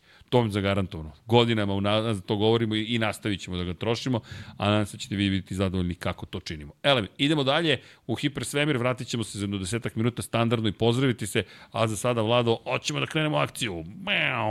Dakle, hvala, Bata Brada, Miloš Rosandić, Simović Sarajevo, Vladan Miladinović, Jasmina Pešić, Stefan Janković, Ivan Maja Stanković, Stefan Milošević, Branislav Kovačević, Mihovil Stamičar, Ivan Rečević, Alen Vuletić, Dušan Delić, Branko Bisački, Alen Stojčić, Aleksandar Mitrović, Danijela Ilić, Darko Trajković, Marre, Igor Vučković, Novica Badrljica, Nedim Šmele, Vladimir Mutić, Ivana, Aleksandar, Stevan Zekanović, Ljiljana Milutinović, Lazar Hristov, Stefan Stanković, Bojana Zrnić, Dimitar Vasilev, Ivan Toškov, Mihajlo Krgović, Ivan Panajotović, Nemanja Jeremić, Jugoslav Ilić, Borko Božunović, Luka Klaso, Marko Mostarac, Crnogorski Džedaj, Gloria Edson, Bahtjar Abdurmanov, Monika Erceg, Nikola Milosavljević, Miloš Vuletić, Bogdan Mitrović, Zoran Cimeša, Aleksandar Milosavljević, Aleksa, Marko Trkulja, Đerman, Srđan Sivić, Vladimir Uskoković, Vladidov Dave, Nikola Stojanović, Zorana Vidić, Jelena Veljković, Dejan Vujović, Ivan Ciger, Vukašin Vučenović, Matija Rajić, Bogdan Uzelac, Stefan Nedeljković, Aleksandar Bobić, Đorđe Radojević, Ljubo Đurović, Dušan Ristić, Robert Čolić, Jeca End, Stefan Vojn Kostić, Marko Marković, Vuk Korać, Dorijan Kablar, Nemanja, Traktorka, Boris Gvozden, Ivan Čule, Vladimir Stojadinov, Ivan Sović, Dejan Đokić, Andrija Todorović, Mario Vidović, Jovan Đodan, Jelena Mak, Aleksandar Jurić, Miroslav Cvetić, Dejan Janić, Blufonac, Ognjen Marinković, Milan Nešković, Đorđe Đukić, Žorž, Životić Jovan, Nikola Marinković, Đorđe Milanović, Luka Manitašević, Vanja Radulović, Ognjen Grgur, Bojan Markov, Stefan Ličina, Marina Mihajlović, Sava Dugi, Andreja, Veselin Vukićević, Emir Mešić, Borislav Jovanović, Dragan Matić, Ivan Rebac, Bojan Kovačević, Omer, Tina i Ilija, Ognjen Ungurjanović, Milan Paunović, Aleksa Lilić, Mario Jelena Komšić, Ivica, Nebojša Živanović, Dimitrije Mišić, Hrvoje Lovrić, Milan Kića, Luka Martinović, Nedo Lepanović, Kristina Ratković, Inzulin 13, Predrag Simić, Andrej Bicok, Sean Hing, Živojin Petković, Grgo Živaljić,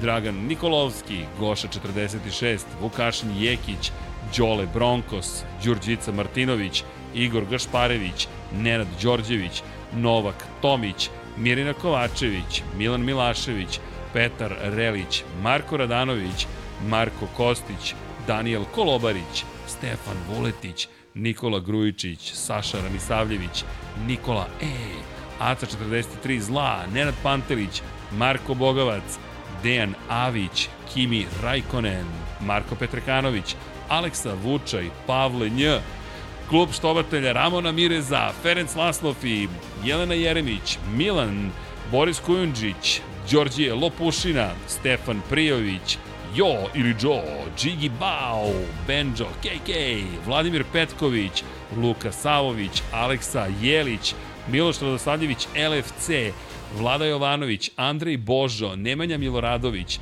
Jasenko Samarđić, Mladen Mladenović, Đole Cheesehead, Kristijan Šestak, Matija Binotto, Miloš Todorov, da žena ne sazna, Milan Ristić, Strahinja Blagojević, Bojan Bogdanović, Zoran Baka, Mladen Tešić, Igor Jankovski, Branimir Petronijević, Klara Gašpar, Antonio Novak, Aleksandar Antonović, Stefan Radosavljević, Toni Ruščić, Andreja Miladinović, Aleksandar Radivojša, Miloš Prodanović, Dušan Petrović, Miloš Banduka, Šefko Ćehić, Danka, Miloš Rašić, Deus, Nikola, Nikola Beljić, Jugoslav Krasnić, Sead Šantić, Đorđe Andrić, Nedim Drljević, Predrag Pižurica, Strahinja Brajanoski, Đole QB4, Damjan Veljanoski, Marko Horg, Peđa Janković, Admir Dedović, Mirena Živković, Nenad Simić, Armin Durgut, Vladimir Jovanović,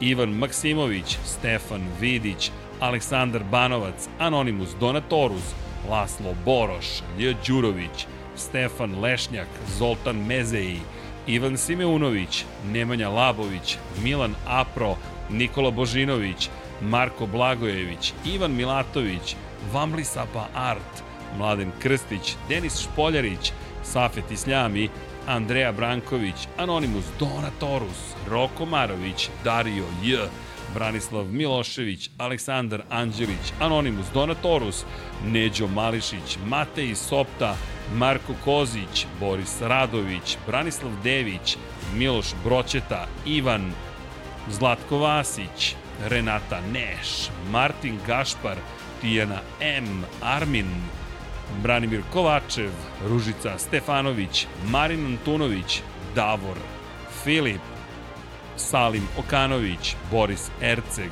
Borislav Vukojević, Josip Kovačić, Vladimir Filipović, Aleksa Valter, Vučinić Miroslav, Bojan Mijatović, Dejan Avić, Petar Nujić, Katarina, Nemanja Zagorac, Mlađan Antić, Luka, Aleksandar Čučković, Bojan Majstorović, Marko Ćurčić, Zoran Majdov, Nenad Ivić, Lazar Pejović, Stefan Dulić, Zoran Šalamun, Branimir Rijavec, Lukas, Ertan Prelić, Kosta Ivanov, Ante Primorac, Nemanja Miloradović, Resničanin, Ramzes Rama, Ivan Vincetić, Milan Herceg, Zoran Baka, Amar Taso, Domagoj Kovač Rajkov, Bojan Markov, Milorad Reljić, Konstantin Linarević, Nemanja, Pavle Lukić, Zoran Mladenović, Vladimir Vujičić, Eldin Polovina, Uroš Čuturilo, Saša Stevanović, Pujo, Karting centar Jagodina, Nikola Hrnjaković, Slaven 84, Vojislav Tadić, Aleksandar Jokić, Goran Mrđenović, Ivor M, Future Graciano Rossi, Jovan Bojanić, Marko Jevtić, Ada Sokolović, Deni Fejzić, Škundra, Milanka Marunić, Drago Veković, Alen Jesenović, Vlada Ivanović, Mrča, Omer Sarajlić, Miloš Zed, LFC, Milan Knežević, Kromid, Miloš Rašić, Nikola Vulović, Nikola Grđan, Stefan Škrbić, Edin Ustavdić, Bojan Stanković, Marko Lučić, Vladimir Bulatović, Nikola Adamović, Luke Williams, Igor Ninić, Tatjana Lemajić, Igor Ilić, Ehil, Vuk, Mateo Miholić, Aleksandar Kockar, Dejan Janić, Ivan Magdelinić, Lunatic Soul, Nemanja Cimbaljević,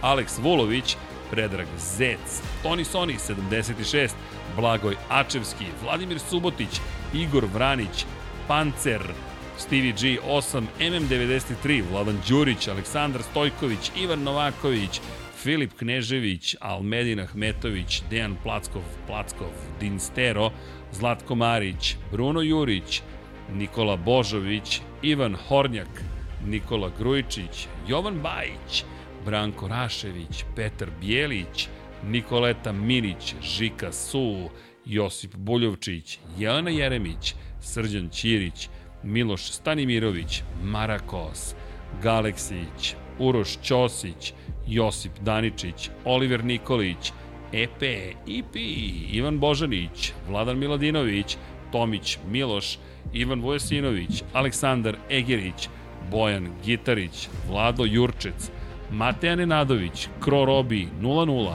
Bakadu, Đera 7, Anonimus, Donatorus, Đorđe Janjić, Nemanja Bračko, Aleksandar P, Marko Bogavac, Mensur Kurtogić, Peja MD, Mirko Novaković, Nedžad Mrakić, Andreja David, Katarina Stepanović, Almir Vuk, Aleksandar Radivojša, Marina i Đorđe Pajuć Vojković plus novi Patreon Darko Dujić. Molim vas jedan veliki aplauz. Idemo! Ovo još nismo doživjeli uživo u studiju. Podrška sa svih strana stiže. Dakle, poslednji podcast pre nego što najavimo sezonu. Tada počinju zvanični podcasti, ovo su bili nezvanični, ili tako, deki? Tako je. Tako je, tako je. Tako da, vreme je da se pozdravljamo polako, sigurno. Vlado, daj jedan dvopon da se moj dragi prijatelj i ja pozdravimo. Pogledajte kako se uklopio taj mikrofon u naranđastu boju. duksevi, majice, sve možete nabaviti shop.infinity.net House, budite u trendu, budite moderni, nosite Lab 76 ili 99 yardi ili Kosmos. Kako god, Ljudi, veliki pozdrav od cijele ekipe, posebno od moje porodice, moram to da napomenem, imate zaista poljubci svi od mame, hoćemo kao i juče, da se prekjuče pozdravimo. Čale to, a? Može. Može. 1, 2, 3. Ćao, pa Ćao, pa jo.